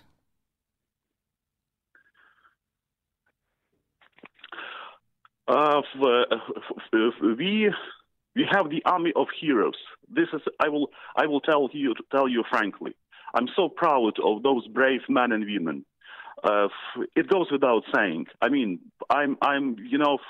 Uh, uh, this is something of unprecedented nature because this is not only our, our army that fights back, but this is our ordinary people, Ukrainian citizens that try to protect their their their, their country And uh, this is something unbelievable. Yesterday, we all saw one of the biggest, enormous tragedies when Russians occupied the Ukrainian island, which is called Serpent Island, killing 13 Ukrainian soldiers over there who uh, did who rejected to surrender. They simply killed them. Simply killed them. Mm. But you you say that they are here. This is the war. Yeah. This is the war against. Sorry, it's a delay. This is the war against the international norms and principles. This is the war against a sovereign nation, and this is the war not because of some kind of security demands, as uh, Putin claims, but this is the war because he simply wants to destroy the Ukrainian statehood. He denies the, the very existence of the Ukrainians. So this is the this is the behavior and the politics of the dic- dictator, uh, who is almost like, or actually already is a new Adolf Hitler. And in your perspective, for how long are the Ukrainians uh, able to resist Putin? We will fight. We will fight as long as we as we can. And for that, all Ukrainians call on the international community to help us, to help protect the, the freedom of our nation, because Putin will go beyond it. And all other European countries will be endangered with his insane, with insane invasion and aggression. And what about the accusations that Putin are making about um, the government from Kiev, uh, how they behaved in uh, Donetsk, uh, Donetsk and Lugansk uh, provinces? What would you say to that? What do you mean? Well, he What- accuses of genocide, if, and you know, Donetsk and Luhansk were occupied. I mean, that, this is absolutely. Yesterday, you, you listened to the speech of President Biden. Mm. Uh, these these accusations are absolutely uh, f- f- senseless. They they pr- proofless. I mean, this is uh, orchestrated by the Russian propaganda. So this that was their plan.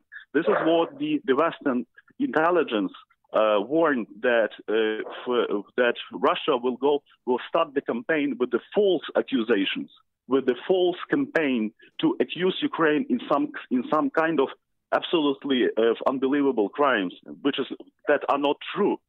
And uh, uh, but but this is the continuation of the policy of uh, President Putin. Before that, he occupied Crimea. Before that, he occupied the, the lands of Donetsk and Lugansk.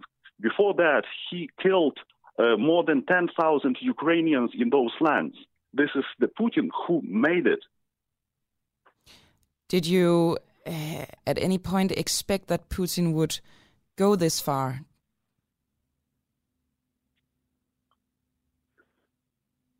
Absolutely. I, I will tell you frankly that uh, uh, for a normal uh, and sane human being, it is very difficult to imagine that this type of things may happen in the 21st century. People thought that this psychological pressure would never la- would never lead to the uh, to the tragedy and war invasion. But after the speech of President Putin, when he, uh, for, if you if you remember, when he recognized the uh, the so-called Russian Donetsk and Lugansk People's Republics, uh, the Russian orchestrated republics, Russia-made republics. Uh, uh, for, af- after all, it was clear that his goal is to kill Ukraine. And as former deputy foreign minister of Ukraine, what is your biggest fear right now?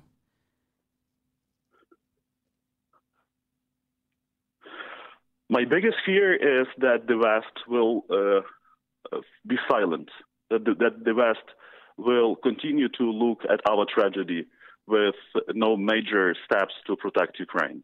We are grateful to many efforts that are aimed at defending Ukraine for all the defensive weapons that Ukraine received, for the sanctions that uh, the Western governments imposed on already have imposed on, on on Putin.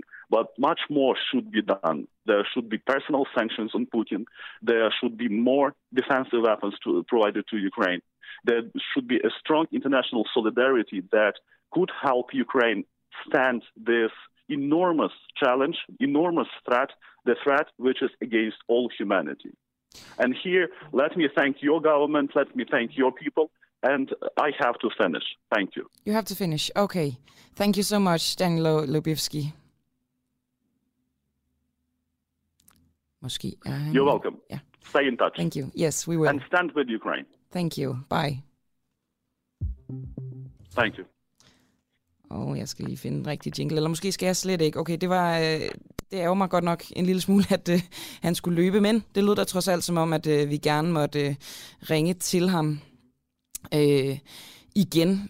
Meget, mange interessante ting, faktisk også mange ubesvarede spørgsmål. Den her sammenligning, han havde af Putin øh, med Hitler, og så kunne jeg også godt tænke mig at, at få en uddybning af, hvad han... Øh, ønskede fra Vesten, måske nærmere bestemt Danmark, altså hvis han kunne øh, sige noget direkte til Mette Frederiksen. Øh, han ønskede i hvert fald personlige sanktioner og hårdere sanktioner imod Vladimir Putin om, om simpelthen mere øh, militær materiel hjælp øh, og så videre. Jeg tror simpelthen, at vi øh, forsøger at, at ringe til ham igen i løbet af weekenden eller på, på mandag. Jeg synes, det var det, det føltes faktisk helt vildt at sidde og interviewe en tidligere viceudenrigs, eller en tidligere ukrainsk viceudenrigsminister. Øh, og øh, jeg ved ikke, om øh, dem, der har lyttet med hele morgen, kan huske, at øh, jeg rodede mig ud i noget med en ukrainsk øh, FN-ambassadør, som, øh, som snakkede om, hvordan russerne altså var krigsforbrydere. Men øh, jeg vil lige spille klippet, hvor at det bliver sagt en gang. Det kan I høre her. Well, as I said, relinquish your duties as a chair. Call Putin, call Lavrov to stop aggression. And I welcome the decision of some members of this council to meet as soon as possible to consider the necessary decision that would condemn the aggression that you launch on my people.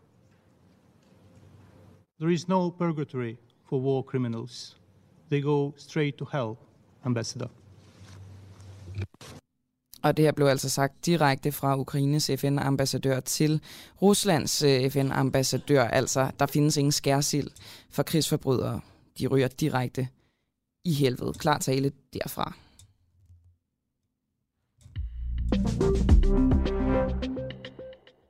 Og så et øh, lille skift i, øh, i tema, fordi nu skal vi snakke om det her, som vi har altså egentlig forfulgt i en måneds tid eller lidt mere end da det her med øh, de mange, mange ubehandlede sager om økonomisk IT-kriminalitet. Nærmere bestemt omkring 48.000, som altså ligger ubehandlet på politiets bord. Og nu øh, zoomer vi ind på en af dem. Det er din sag, øh, Frederik Bendler. Kan du egentlig ikke øh, starte med lige at forklare, hvad du blev udsat for, og godmorgen? Godmorgen. Jo, det kan jeg. Hvad hedder det? Øh, Jamen, jeg blev, jeg blev i virkeligheden udsat for underslæb af en medarbejder, jeg havde lejet i et, øh, i et konsulenthus, en regnskabsmedarbejder. Jeg driver en lille virksomhed øh, i Kokkedal, øh, og det har jeg gjort de sidste 10 år. Og det her, det går, det går godt fem år tilbage, øh, at det skete det her, øh, det, altså, er jeg opdagede det. Øh, og det var egentlig lidt et tilfælde, at jeg opdagede det. Øh, jeg opsagde den pågældende medarbejder, fordi hun øh, fordi hun var i virkeligheden var dårlig til sit arbejde, hvad hedder det, så hun blev bortvist øh, til sidst. Og, øh, og den nye medarbejder, der så erstattede hende, konstaterede ret kort efter, at der var nogle uhense, at du, der var nogle der var nogle uregelmæssigheder i, øh, i de overførsler, der var lavet fra vores øh, firmakonto. Hvad det? Og nogle af de overførsler, det var, øh, det var direkte overførsler fra vores konto til, hendes, til den pågældende, den bortviste medarbejders egen konto, private konto.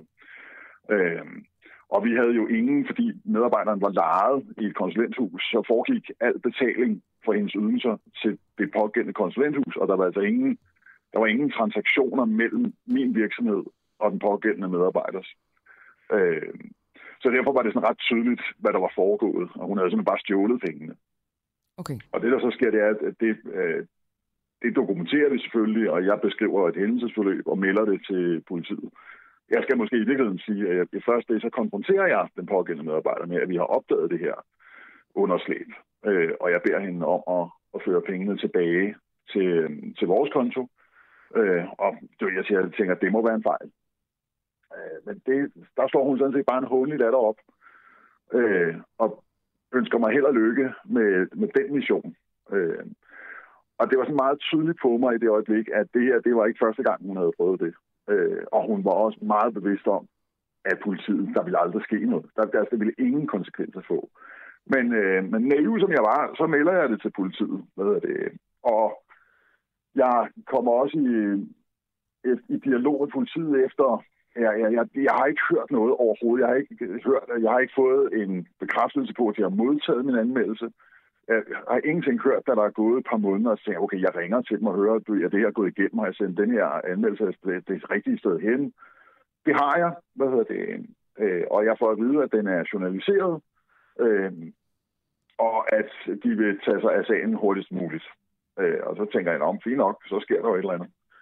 Og da jeg så ikke har hørt noget efter et halvt år, så, så tænker jeg, eller jeg tror måske 6-7 måneder, så tænker jeg, okay, nu ringer jeg altså lige og hører, det, sker der noget? Og det gør jeg, fordi at jeg samtidig jo gerne vil lægge en sag an mod det konsulenthus, der har, fyr, altså, der har udlejet hende til os. Mm. Øh, det er fordi, hun var øh, overhovedet ikke kvalificeret til det job, hun udførte. Men selvfølgelig også, fordi hun havde stjålet af kassen. Øh, og der tænker jeg, at det vil hjælpe, hvis der er rejst en sikkelse mod den pågældende. Mm. Øh, altså af politiet simpelthen rejst en sigtelse. Men det får jeg så at vide efter de der syv måneder, at der er ikke sket noget, og jeg taler med en medarbejder, som henviser mig faktisk, og jeg kan ikke huske, om det var politidirektøren eller en inspektør, men jeg bliver i hvert fald henvist til en eller anden chef i, i øh, Nordsjællands politi, som så fortæller mig, at altså ordret, at de har så mange sager om økonomisk kriminalitet i, øh, i, i, i det politidistrikt, at der er ikke der er ingen chance for, at de når at få kigget på en sag af, kan man sige, i den størrelsesorden, vi taler om her. Okay. Og, ja, så, så, ja. så altså bare lige for at få det helt klart, så begrundelsen for at de ikke kan behandle din sag, det er, at der er for mange sager, og derefter også en, en form for prioritering, kan man sige, at den ikke ja, er... om...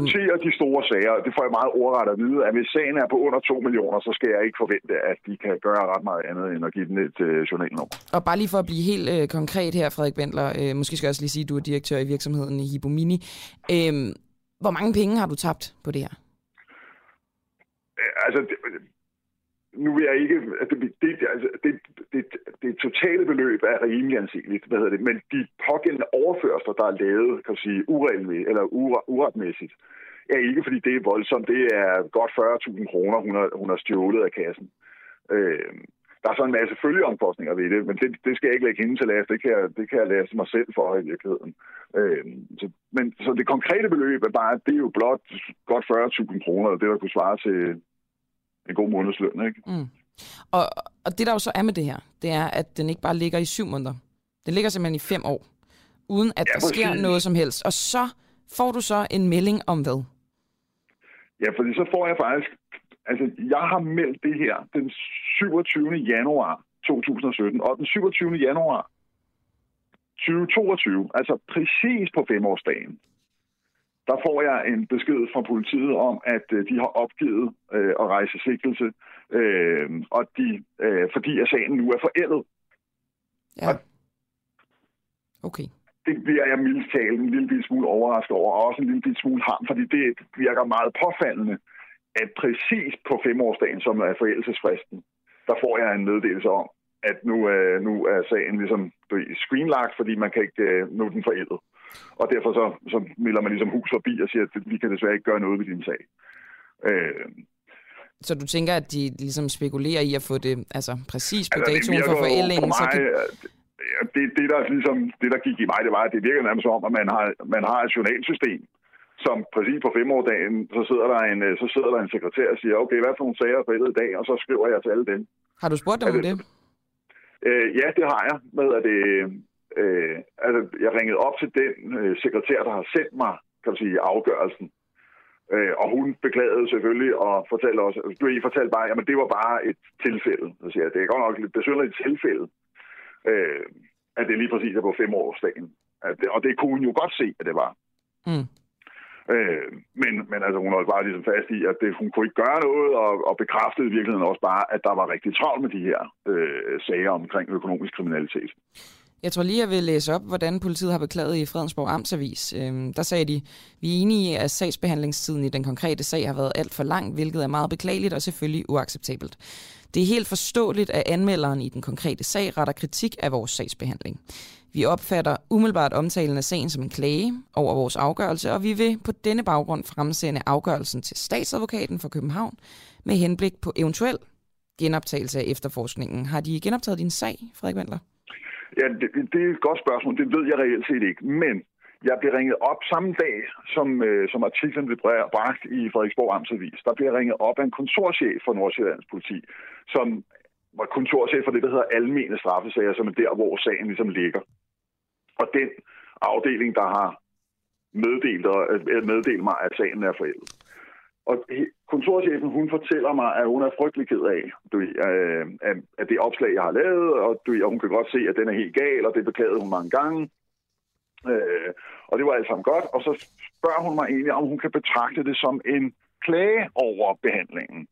Og det, siger, det kan du jo i bund og grund godt. Og det betyder så, siger hun, fordi så vil hun sådan set selv føre sagen til statsadvokaten, og i virkeligheden klage over hendes egen afdeling. Øh, om det er sket konkret, det må jeg antage, det er. Men det ved jeg ikke. Jeg fik at vide, at jeg ville blive ringet op af en eller anden, der lige skulle snakke med mig, og det er ikke sket. Øh, og nu er det jo, ja, det er vel en 14 dages tid siden, med det. Så, altså, så sagsbesaltningen selv i en sag, hvor de ringer op og siger, at vi er virkelig kede af det, og vi kan godt se, at vi har sovet i timen. Øh, der vil jeg jo, hvis jeg i, altså i min virksomhed, hvis jeg havde klokket i den på den måde, så ville jeg jo altså virkelig have attention på det, og så ville jeg sikre mig, at der blev fuldt op, altså prompte. Mm. Og så kan jeg jo undre mig over, at der nu er gået 14 dage, jeg har intet hørt, og det vil sige, at jeg aner jo ikke, om den sag bare er blevet syltet igen. Så hvad har du tænkt dig at gøre? Altså har du tænkt dig at lade dig Jamen, gå øh, fem år igen, eller vil du være lidt mere efter dem den her gang, eller hvordan har hvorledes? Jamen i virkeligheden ikke. Det der, sagen er jo, og nu fortæller jeg jo, at beløbet er 40.000 kroner, så det, det i virkeligheden, for mig, der handler det ikke om pengene. Det, er det handler om, det handler i virkeligheden om en eller anden form for bevidsthed om, du, at hvis man begår noget kriminelt, så bliver man også straffet for det. Og det skyld, det, der, der er jo flere aspekter i det, men det jo handler jo også om, at den pågældende medarbejder, hun sidder formentlig i en anden virksomhed nu, og måske stjæler hun af kassen derovre. Måske har hun været forbi tre virksomheder på vejen og har stjålet penge i de kasser, fordi hun ikke er blevet grebet i det, hun gør, fordi det er så tydeligt, hvad det er, hun laver. Øh, så, så for mig, der handler det lidt om bare at få stoppet altså en kriminel.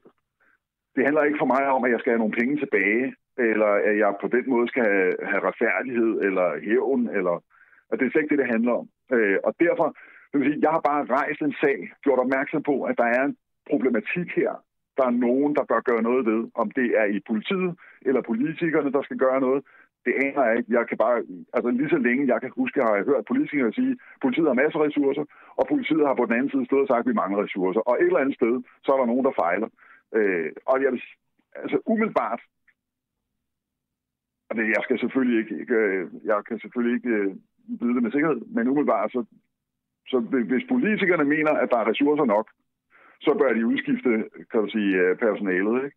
Fordi så gør ja, de det ja, altså ikke jamen, Det sidste, vi hørte, var, at de vil lave en, øh, en ny handlingsplan her om, omkring det her netop nu. Øhm, det er selvfølgelig noget, vi vil følge op på. Og nu beklager jeg, at jeg laver sådan lidt research for åben mikrofon, men jeg synes, synes det var ret interessant, Frederik Bentler, det der med, at du siger, at det var på altså præcis femårsdagen at øh, for, for at sagen bliver forældet, at de ligesom øh, tager kontakt ja. til dig. Altså det kunne man jo godt søge lidt ind i i virkeligheden. Det kunne vi gøre her på Den Uafhængige, at se, hvor mange øh, lignende tilfælde har der været af, af netop det. det. Det tænker jeg i hvert fald, vi vil gøre. Ja, det synes jeg, fordi det, altså, det virker jo meget besynderligt, at det sker på præcis på femårsdagen. Mm.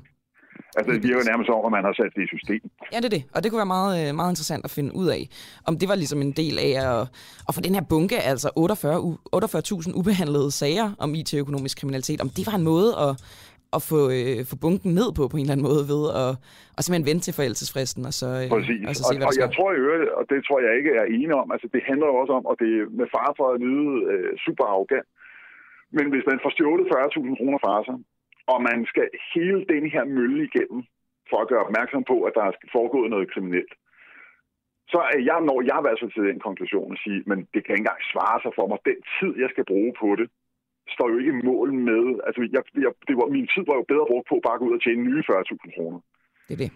Det er det. Så man skal øh, være ligesom en, øh, en, der kæmper for det principielle, ikke? Jeg siger, at jeg opgiver det bare. Altså, det, det er jo som at slå en dyne. Hvorfor skal jeg bruge tid på det? Jeg kan jo hellere gå ud og sælge nogle varer og se, om jeg kan tjene nogle penge i stedet for. Mm. Det er det. Og det er jo ikke så godt, hvis øh, vi altså skal have et, godt, et samfund, hvor at, øh, heller ikke IT-kriminalitet skal være nemt at begå. Tusind tak, fordi du ville fortælle din historie, Frederik Wendler.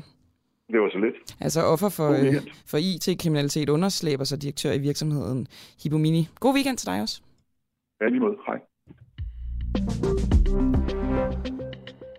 Nogle siger, at øh, de ved lejlighed oplever tekniske problemer med appen. Nogle siger, at de ikke gør. Men altså, uanset hvad, så kan man altså se med live øh, inde på Facebook eller YouTube, eller høre hele udsendelsen som podcast øh, 9.15, og vi beklager selvfølgelig, hvis nogen oplever problemer. Jeg kan lige tage øh, en lille nyhedsopdatering. Øh, der er... Øh, den ukrainske her er i kampe med russiske tropper uden for øh, Kiev. Ukraines her, de, her de meddeler fredag morgen, altså i dag, at øh, den er i kamp med russiske styrker lige uden for hovedstaden Kiev. Og øh, Ukraines væbnede styrker har også på sociale medier delt billeder af en ødelagt øh, bro over floden Tetarif. Til, til, jamen, jeg er ikke så god til de ukrainske udtalelser der, men øh, hvor altså et stort antal pansrede køretøjer fra Rusland ifølge det ukrainske militær holdes i skak altså ikke særlig langt fra hovedstaden i Kiev. Og øhm, nu skal vi altså lidt væk fra Ukraine igen. Vi skal snakke om øh, statens regnskaber, som der øh, er noget rod i for fire år i træk. Og hvorfor er der egentlig det? Altså statsrevisorerne i Folketinget har netop godkendt statsregnskabet for året 2020, men som jeg sagde, for fire år i træk er der rod i regnskaberne, og statsrevisorerne tager forbehold for regnskabet, fordi de simpelthen ikke føler sig sikre på, at regnskaberne i Skatteministeriet stemmer, og det, okay, det lyder en lille bitte smule øh, ironisk, altså at Skatteministeriet ikke kan holde styr på deres øh, regnskaber. Claus Fransen, øh, Radikale Venstre, statsrevisor og næstformand for statsrevisorerne. Hvorfor er der for fire år i træk øh, rod i statens regnskaber? Og godmorgen. Der, der er to ting galt. Godmorgen. Øh, for det første er det selve bogføringen. Øh, man har haft nogle IT-problemer, øh, der har gjort, at det at lave bogføringsafstemningerne, det ikke virker ordentligt. Øh, og det er jo skat, du kan se skats IT-systemer på den måde, der er nogle systemer, der indsamler oplysninger fra alle borgerne, så er der nogle andre, der beregner noget skat, og så er der nogle tredje, der laver selve bogføringen på konti af, hvordan det skal indgå i statsregnskabet. Og de afstemninger, der skal laves mellem de tre systemer, for at være sikker på, at tallene er rigtige, de er ikke komplette. Det er det ene problem. Det andet problem er, at fordi man har haft problemer med at opkræve penge fra borgerne, så øh, er der dukket en gæld op, øh, så borgerne og virksomheder skylder staten 140 milliarder. Og det at inddrive de 140 milliarder, det er der nogle udfordringer med, så man ved faktisk ikke rigtig, hvor meget de fordringer er værd og skal stå til på statsregnskabet. Så det er det andet store problem. Altså det her med IT-systemer, der ikke virker i skatter, det her med udfordringer i inddrivelse af skattegæld, det er jo altså ikke sådan første gang, man lige frem hører det. Så hvorfor, hvorfor kan de ikke have styr på det? Ja, altså, vi har jo lige haft møde med Skatteministeriet, hvor de har gennemgået, hvordan de øh, ser på status. Øh, og i forhold til det første, jeg sagde omkring bogføring, der er Skats egen oplevelse, at der er ganske stor fremdrift, og det får vi så, øh, hører vi så fra Rigsrevisionen, når de skal gå igennem 2021, om det er rigtigt, om de er enige. I forhold til det med inddrivelsen, der må vi desværre sige, at øh, selv Skats egen fremlæggelse af situationen er, at der stadigvæk er betydelige udfordringer, øh, og der er betydeligt oprydningsarbejde, som udstår, og som kommer til at trække ud nogle år endnu. Så det er altså en kavalkade, vi kommer til at høre om fortsat i en del år. Med dine briller, altså er der, er der så forbedringer i det her med, hvordan de bogfører? Det, for mig lyder det som om, altså nu må vi se, hvordan 2021 bliver. Det lyder som om, at der er nogle af de udstående Rigsrevisionen har påpeget, øh, som der er fremdrift på. Så, så det er den ene, øh, hvad det hedder. På den anden, der må jeg bare sige, at der er jeg stadigvæk øh, særdeles kritisk. Øh, og nu har vi skiftet skatteminister, øh, og øh, en af de ting, Bødskov havde sagt til os, at han ville gøre, det var at få forsimplet nogle af de her regler, der er for opkrævningen, sådan, så det er nemmere at drive IT-systemerne på området. Og nu må vi sige, nu er han trådt fra, og det er overhovedet ikke lykkedes for ham at få lavet den forenkling. Okay. De her øh, forbehold, som øh, jeg øh, statsrevisorer tager for det her statsregnskab, hvad er det helt konkret, de forbehold går på? Jamen det vi konkret siger, det er, vi skal udtale os hvert år, om, om statsregnskabet er rigtigt. Og øh, i starten sagde vi jo decideret, at der var tvivl om, om hele statsregnskabet var rigtigt, fordi det her var så store beløb. Nu siger vi, at det samlede statsregnskab, det er rigtigt, men konkret i forhold til skats indtægtsside, der tager vi stadigvæk et forbehold. Så det, det er det, der er sket over, over, hvad skal vi sige, her i løbet af de fire år. Prøv lige at hjælpe mig med at forstå, altså er det selve udregningen, der er forkert, eller er det det her med, at der mangler nogle penge, der skulle være der? Det er begge dele. Altså, øh, det med selve udregningen, det er bogføringsfejlen, det var den første del, jeg taler mm. om. Der er simpelthen nogen, stadigvæk nogle usikkerheder i, i forhold til selve regnestykket.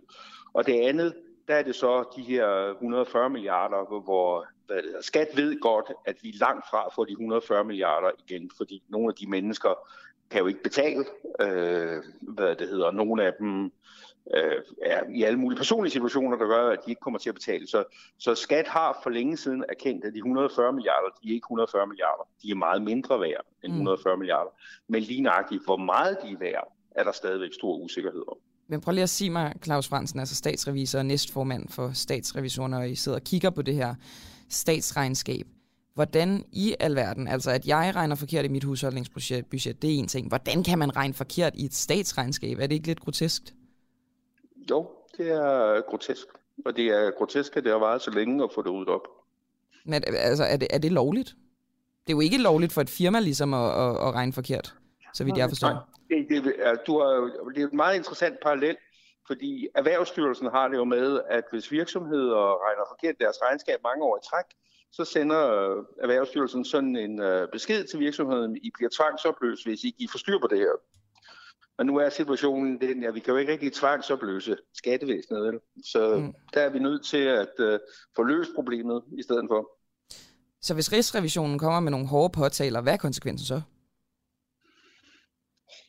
Ja, altså, vi kan jo, i forhold til skat, kan vi jo kun simpelthen holde, øh, prøve at følge op på alle de øh, udstående ting, der er. Vi holder de her møde med Skatteministeriets ledelse.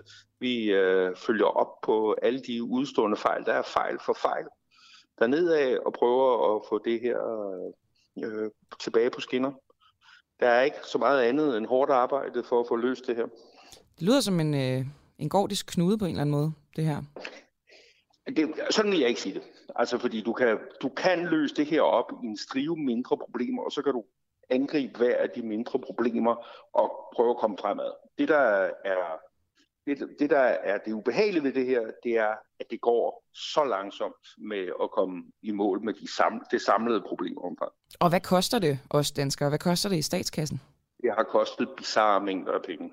Altså, det kan vi jo, altså hvis du siger, at øh, der er 140 milliarder, hvoraf nogle ville selvfølgelig aldrig være kommet ind, fordi der, der har været mennesker, der ikke har haft ordentlig indkomst under alle omstændigheder. Men det er jo i hvert fald et meget stort øh, tocifret milliardbeløb, der er blevet tabt på det her forløb. Langt over 50 milliarder kroner, der er blevet tabt over de sidste 10 år på det her. Og når man snakker om øh, ansvar og skyld i det her, så er det jo sådan, at der har været øh, selvfølgelig udskiftende skatteminister, som alle sammen står med deres fingre og peger dem på, øh, på hinanden. Men hvem har ansvaret efter din mening for det her? Ja, du, du siger det jo selv, altså der har været forskellige administrative ledelser, der har været forskellige politiske ledelser, øh, og ansvaret bliver en lille smule mudret ud af, at der har, har været så mange. Men det er jo det er jo den administrative ledelse og den politiske ledelse i Skatministeriet. Og så har vi jo tidligere haft de her drøftelser om, at Finansministeriet har været noget urimelig i nogle af de rammer, de har sat for Skatteministeriet. Øh, så det er ikke kun Skatteministeriet, øh, politiske og administrative ledelse. Der er også andre, der har medskyld i det her. Kan du pege på sådan en fejl, som er sådan eklatant og den, den største i alt det her? Jamen, det, altså det der, det, der er gået allermest galt, det er, at man skar IT-budgettet for meget ned øh, for sådan en, en 15 år siden. Hvem var det, der gjorde det? Øh, ja, det har jo, du kan jo sige, at det var jo under øh, VK-regeringen, ikke? Øh, og en af de skatteminister, der sad i en længere periode dengang, var jo så en senere statsrevisor, der hed Christian Jensen. Mm. Så der er, altså, hvis du kigger på sekvensen i det her, hvornår gik ting galt, så gik der noget rigtig galt i 95, da man solgte datacentralen uden at bygge en intern organisation op til at drifte. Der gik noget virkelig galt, da man øh, hvad det hedder, tog ejendomsvurderingen ind fra kommunerne uden at bygge et IT-system. Der gik noget virkelig galt, da man satte det her gældsinddrivelses EVI-projekt i gang øh, med nogle forskellige, nogle fejldesignede løsninger. Så der er sådan nogle punkter derhen af, hvor ting er gået virkelig galt. Mm. Okay, Claus Fransen, det bliver spændende at høre, hvad øh, Rigsrevisionen ligesom siger. Tusind tak, fordi du var med her. Yes, tak for det. Hej. Hej.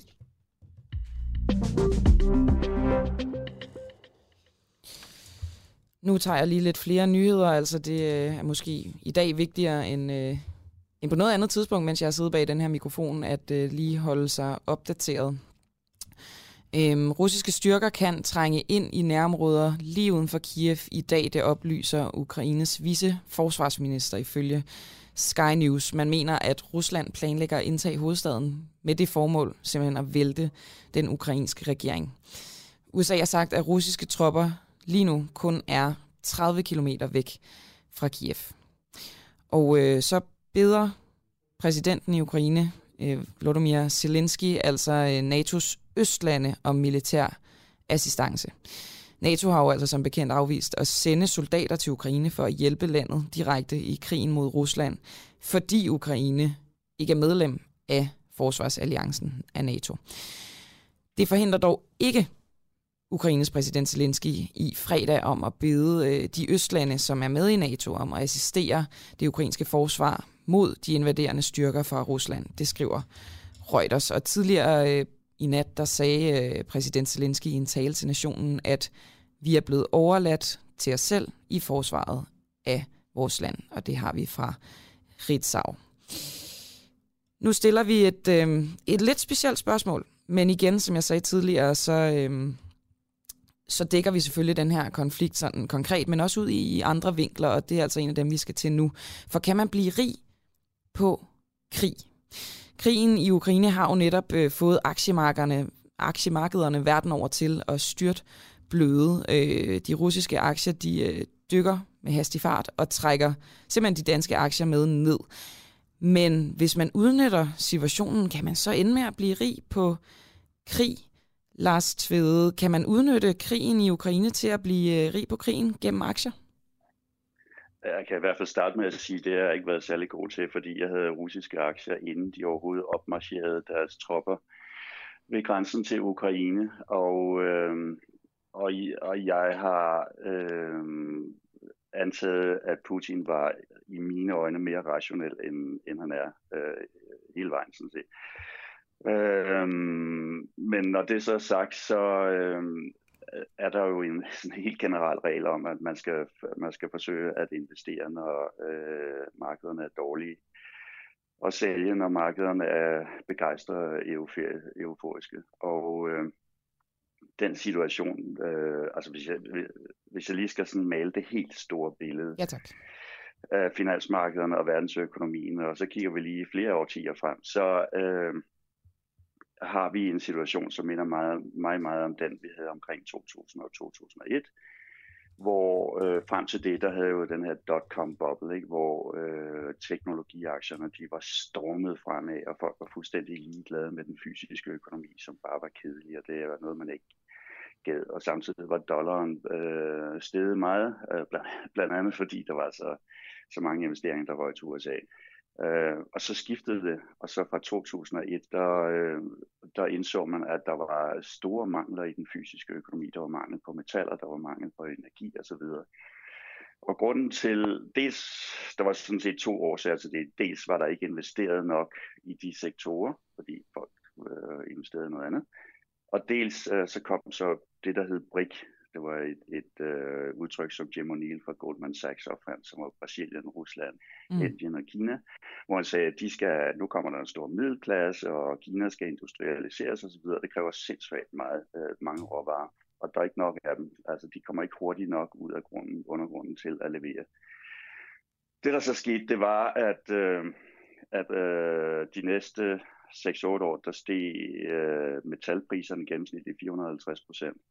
Og det, det betød så, at indtjeningen i mine selskaberne eksploderede opad, og det russiske aktiemarked steg 1000 procent. Og øh, i det hele taget så begyndte pengene også at flyde ind til de nye markeder, som kunne levere øh, råvarer, og det var der, de store forretninger var. Så øh, den omstilling, den er ved at ske nu, og den er sådan set, øh, jeg har snakket om den i, i et år, men markederne er begyndt at og øh, reagere på det inden for de sidste to måneder. Det vil sige, at teknologiaktierne er begyndt at falde rigtig meget, øh, og jeg tror øh, godt, de kan falde mere. Øh, og i stedet for så er pengene begyndt at flyde ind til øh, råvareproducenter. Og så jeg vil lige sige, hvad er det så, der driver det ikke brit længere, som er den, den, den store nye ting. Øh, men altså, den kinesiske økonomi er i en form for growth recession nu, men, men øh, kommer til at accelerere senere på året, og det trækker meget. Men derudover så er det den, det, man kalder den grønne omstilling. Så at den grønne omstilling kræver sindssygt mange metaller, øh, og man siger decarbonizing is metallizing. Mm. Altså at, at, at fjerne koldioxid fra, fra ligningen, det, det, det kan kun gøres ved at introducere langt mere metal i ligningen. For eksempel offshore wind kræver 15 gange så meget metal per produceret energienhed som gasturbiner. Så øh, derfor så har jeg jo øh, læst, og jeg blev helt blå i hovedet, alle mulige analyser fra de bedste analytikere i verden om balancesituationerne i øh, energisektoren og minesektoren. Og for eksempel Goldman Sachs øh, gør opmærksom på, at det ser ud som om lagerne af øh, zink, aluminium, kover og nikkel øh, løber helt tør ved udgangen af året, og de siger, at metalpriserne stiger nok 25 procent i år, og så kan det på et eller andet tidspunkt kan de fuldstændig eksplodere opad. Men lad mig lige for, for lige, jeg ved ikke, om jeg afbryder dig. Øh, Nej, men jeg, jeg, jeg skal nok komme til Rusland. Jamen, det er det. Det er det, jeg tænker. Er, er det ja, dem, der sidder ja, på metallet, eller hvad? Ja, ja, det, det, ja det, det kommer jo så til meget hurtigt. Så, øh, så, så vi har altså nogle markeder, som, hvor, der, hvor der er meget stor vi er tæt på knaphed, øh, og vi kommer til at opleve knaphed i den ene øh, råvare efter den anden. Og så sidder Rusland der som en af de største leverandører af råvarer. Og øh, det der så skete her, da, da Rusland øh, lavede den her store invasion, det var øh, jo, at markederne panikker af meget god grund, men så investorerne de kigger på, er der noget i min portefølje, jeg har tjent på? Det er det, man sælger, ikke? Så folk de sælger så deres, øh, altså hvis de har energi- og mineaktier, så sælger de dem, selvom priserne på metaller og, og olie og gas stiger voldsomt.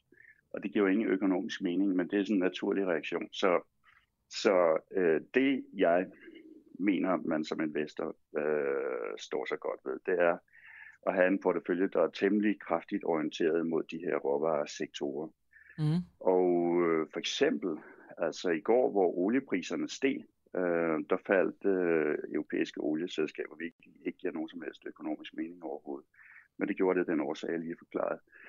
Så øh, jeg synes, den svaghed og den nervøsitet øh, og angst, der er i markedet, det kan man benytte til at opbygge en portefølje af, af billige selskaber, øh, som er orienteret mod den fysiske økonomi. Og, og øh, jeg vil gerne sige, at det her, altså nogle gange så har man sådan noget, det her det er hot, men det er også dyrt.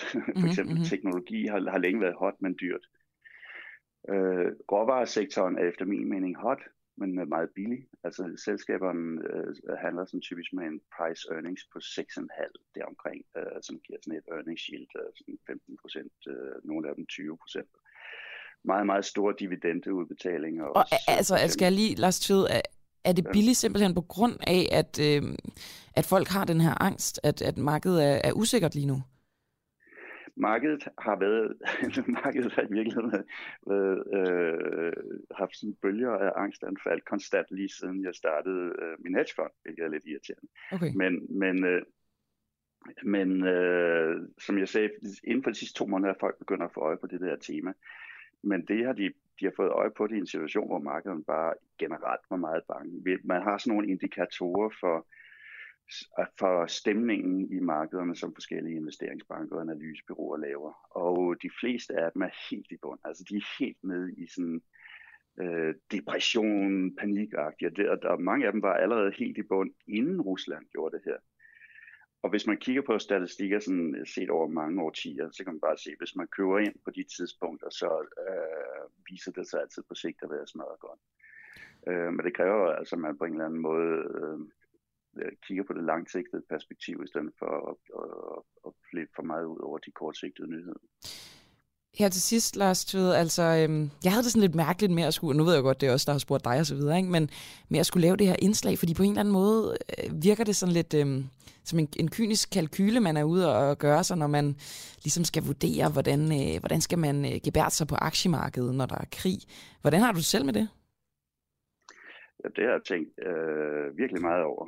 Øh, så så øh, normalt, så, øh, i, i de fleste situationer, så vil jeg sige, at de her investorer, som kommer ind og investerer, når, når der er panik, de, de støtter jo sådan set øh, økonomien, fordi øh, de stabiliserer markedet ved at købe, når det er billigt, og sælge, når det er dyrt. Øh, Rusland er jo så en anden sag. Man har jo ikke noget som helst ønske om at gøre noget, der er godt for Rusland. Øh, så og det jeg, gør du heller ikke det med dine Altså, gør du ikke noget som helst, der kan hjælpe den russiske økonomi? Øh, altså, jeg havde jo ikke troet, de ville invadere. Mm. Øh, så det var en fejlkalkyl, øh, som hvis jeg skal undskylde mig selv, så vil jeg sige, at de, de fleste analytikere, de satte øh, sandsynligheden for det her til ekstremt lavt. Men, men, men, øh, men det ønsker jeg jo på ingen måde at gøre. Men, så du sælger nu øh, dine russiske aktier? Det er jo fuldstændig umuligt at, at, handle. Altså, der er også et, det, man kalder et bid-ask spread, som er er fuldstændig gigantisk. Øh, så det er bare en waiting game indtil, øh, indtil det falder til ro. Jo. Så lige nu bidrager du faktisk, altså mod din vilje godt nok siger du, men du bidrager til den russiske økonomi? Nej, fordi vi er, altså, jeg havde dem jo i forvejen. Mm. Øh, så nej. Men øh, det, øh, det er altså, der er ikke noget at gøre, når man, når man har taget fejl og sidder øh, i den situation, men så skal man så tænke på, hvad skal man så ellers gøre. Så vil jeg så sige, hvis man gerne vil have den grønne omstilling, så må vi altså have flere penge ind i miner rundt omkring i verden, og der bidrager vi jo voldsomt ved at investere i, i uh, minedrift. Øh, og og øh, det, altså det er jo sjovt, der, der er rigtig mange, som er imod miner og går ind for den grønne omstilling, og ikke kan se, at du ikke kan overhovedet ikke lave den grønne omstilling uden miner. Så det gør vi jo også meget for at kommunikere det budskab. Jeg har jo en blog i, i Berlingske her i weekenden, hvor jeg også altså, gør opmærksom på, på det forhold, at man skal altså investere i miner, hvis man vil have den her grønne omstilling. Mm. Den glæder vi os til at læse med på, Lars Tvede, altså forfatter, iværksætter, finansmand, aktiespekulant. Tusind tak, fordi du var med her. I lige Og nu forsøger vi at ringe til DR's øh, Ruslands korrespondent Mathilde Kimer, øh, som også befinder sig i Ukraine, for at høre, om hun kan være med. Og mens der bliver ringet på Mathilde Kimer, så kan jeg lige tage en nyhed mere.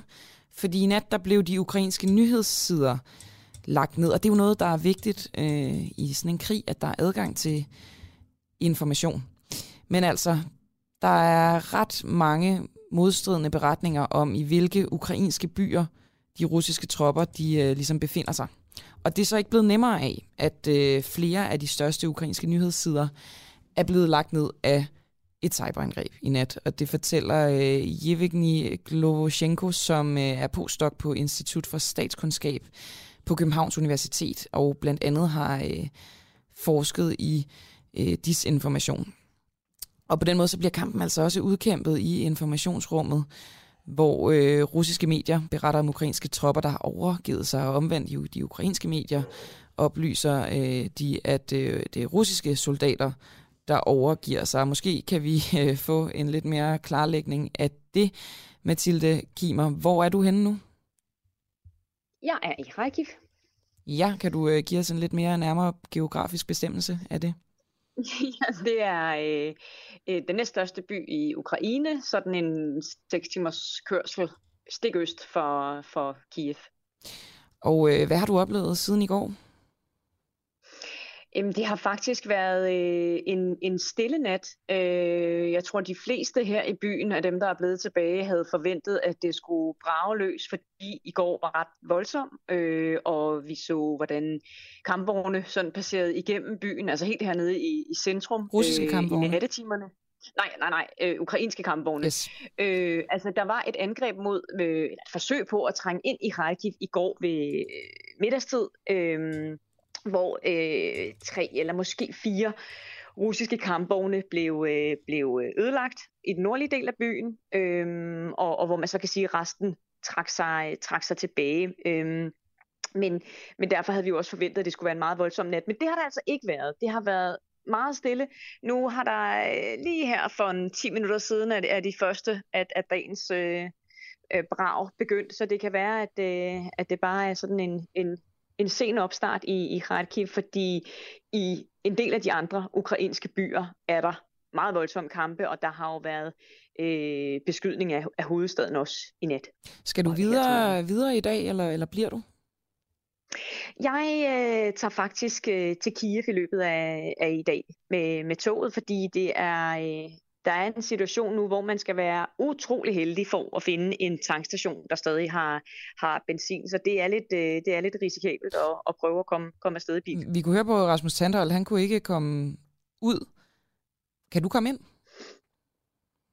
Øh, jamen, øh, Rasmus Tandholt, han befinder sig øh, formentlig inden for et par hundrede meter af mig. Nå gud, så er det nok en anden, korrespondent, en anden korrespondent, det beklager jeg, Mathilde. Vi har haft lidt mange på. Okay. En anden korrespondent. Ja, det, kunne, øh, det var måske Jakob Illeborg i virkeligheden. Det var det nok. Mm, øhm, yeah. Han kunne ikke komme ud af Kiev, men du kan altså godt komme ind. Ja, altså man kan, man kan stadigvæk tage toget, øh, og jeg tror, at, øh, at Jakob er i den situation, at han har en bil, men ikke nødvendigvis øh, øh, altså en, en vej ud, hvor man undgår kampe. Øh, og så er der det her altså, øh, ret enorme problem med, øh, med brændsel, at, øh, altså, at, at tankstationerne simpelthen er tømt. Øhm, og så mm. hjælper det jo ikke så meget at, at have en bil. Og i øvrigt kan vi også sige, at rigtig mange af, af hovedårene øh, til fra Kiev er jo, er jo simpelthen proppet til med folk, der prøver at komme væk. Så, så det er ikke så nemt. Og hvad er det vildeste, Mathilde Kimmer, som du har øh, oplevet siden i går? Øh... Nu siger du, der har været sådan relativt stille i løbet af natten, men øh, det kan godt være, der var sket et eller andet.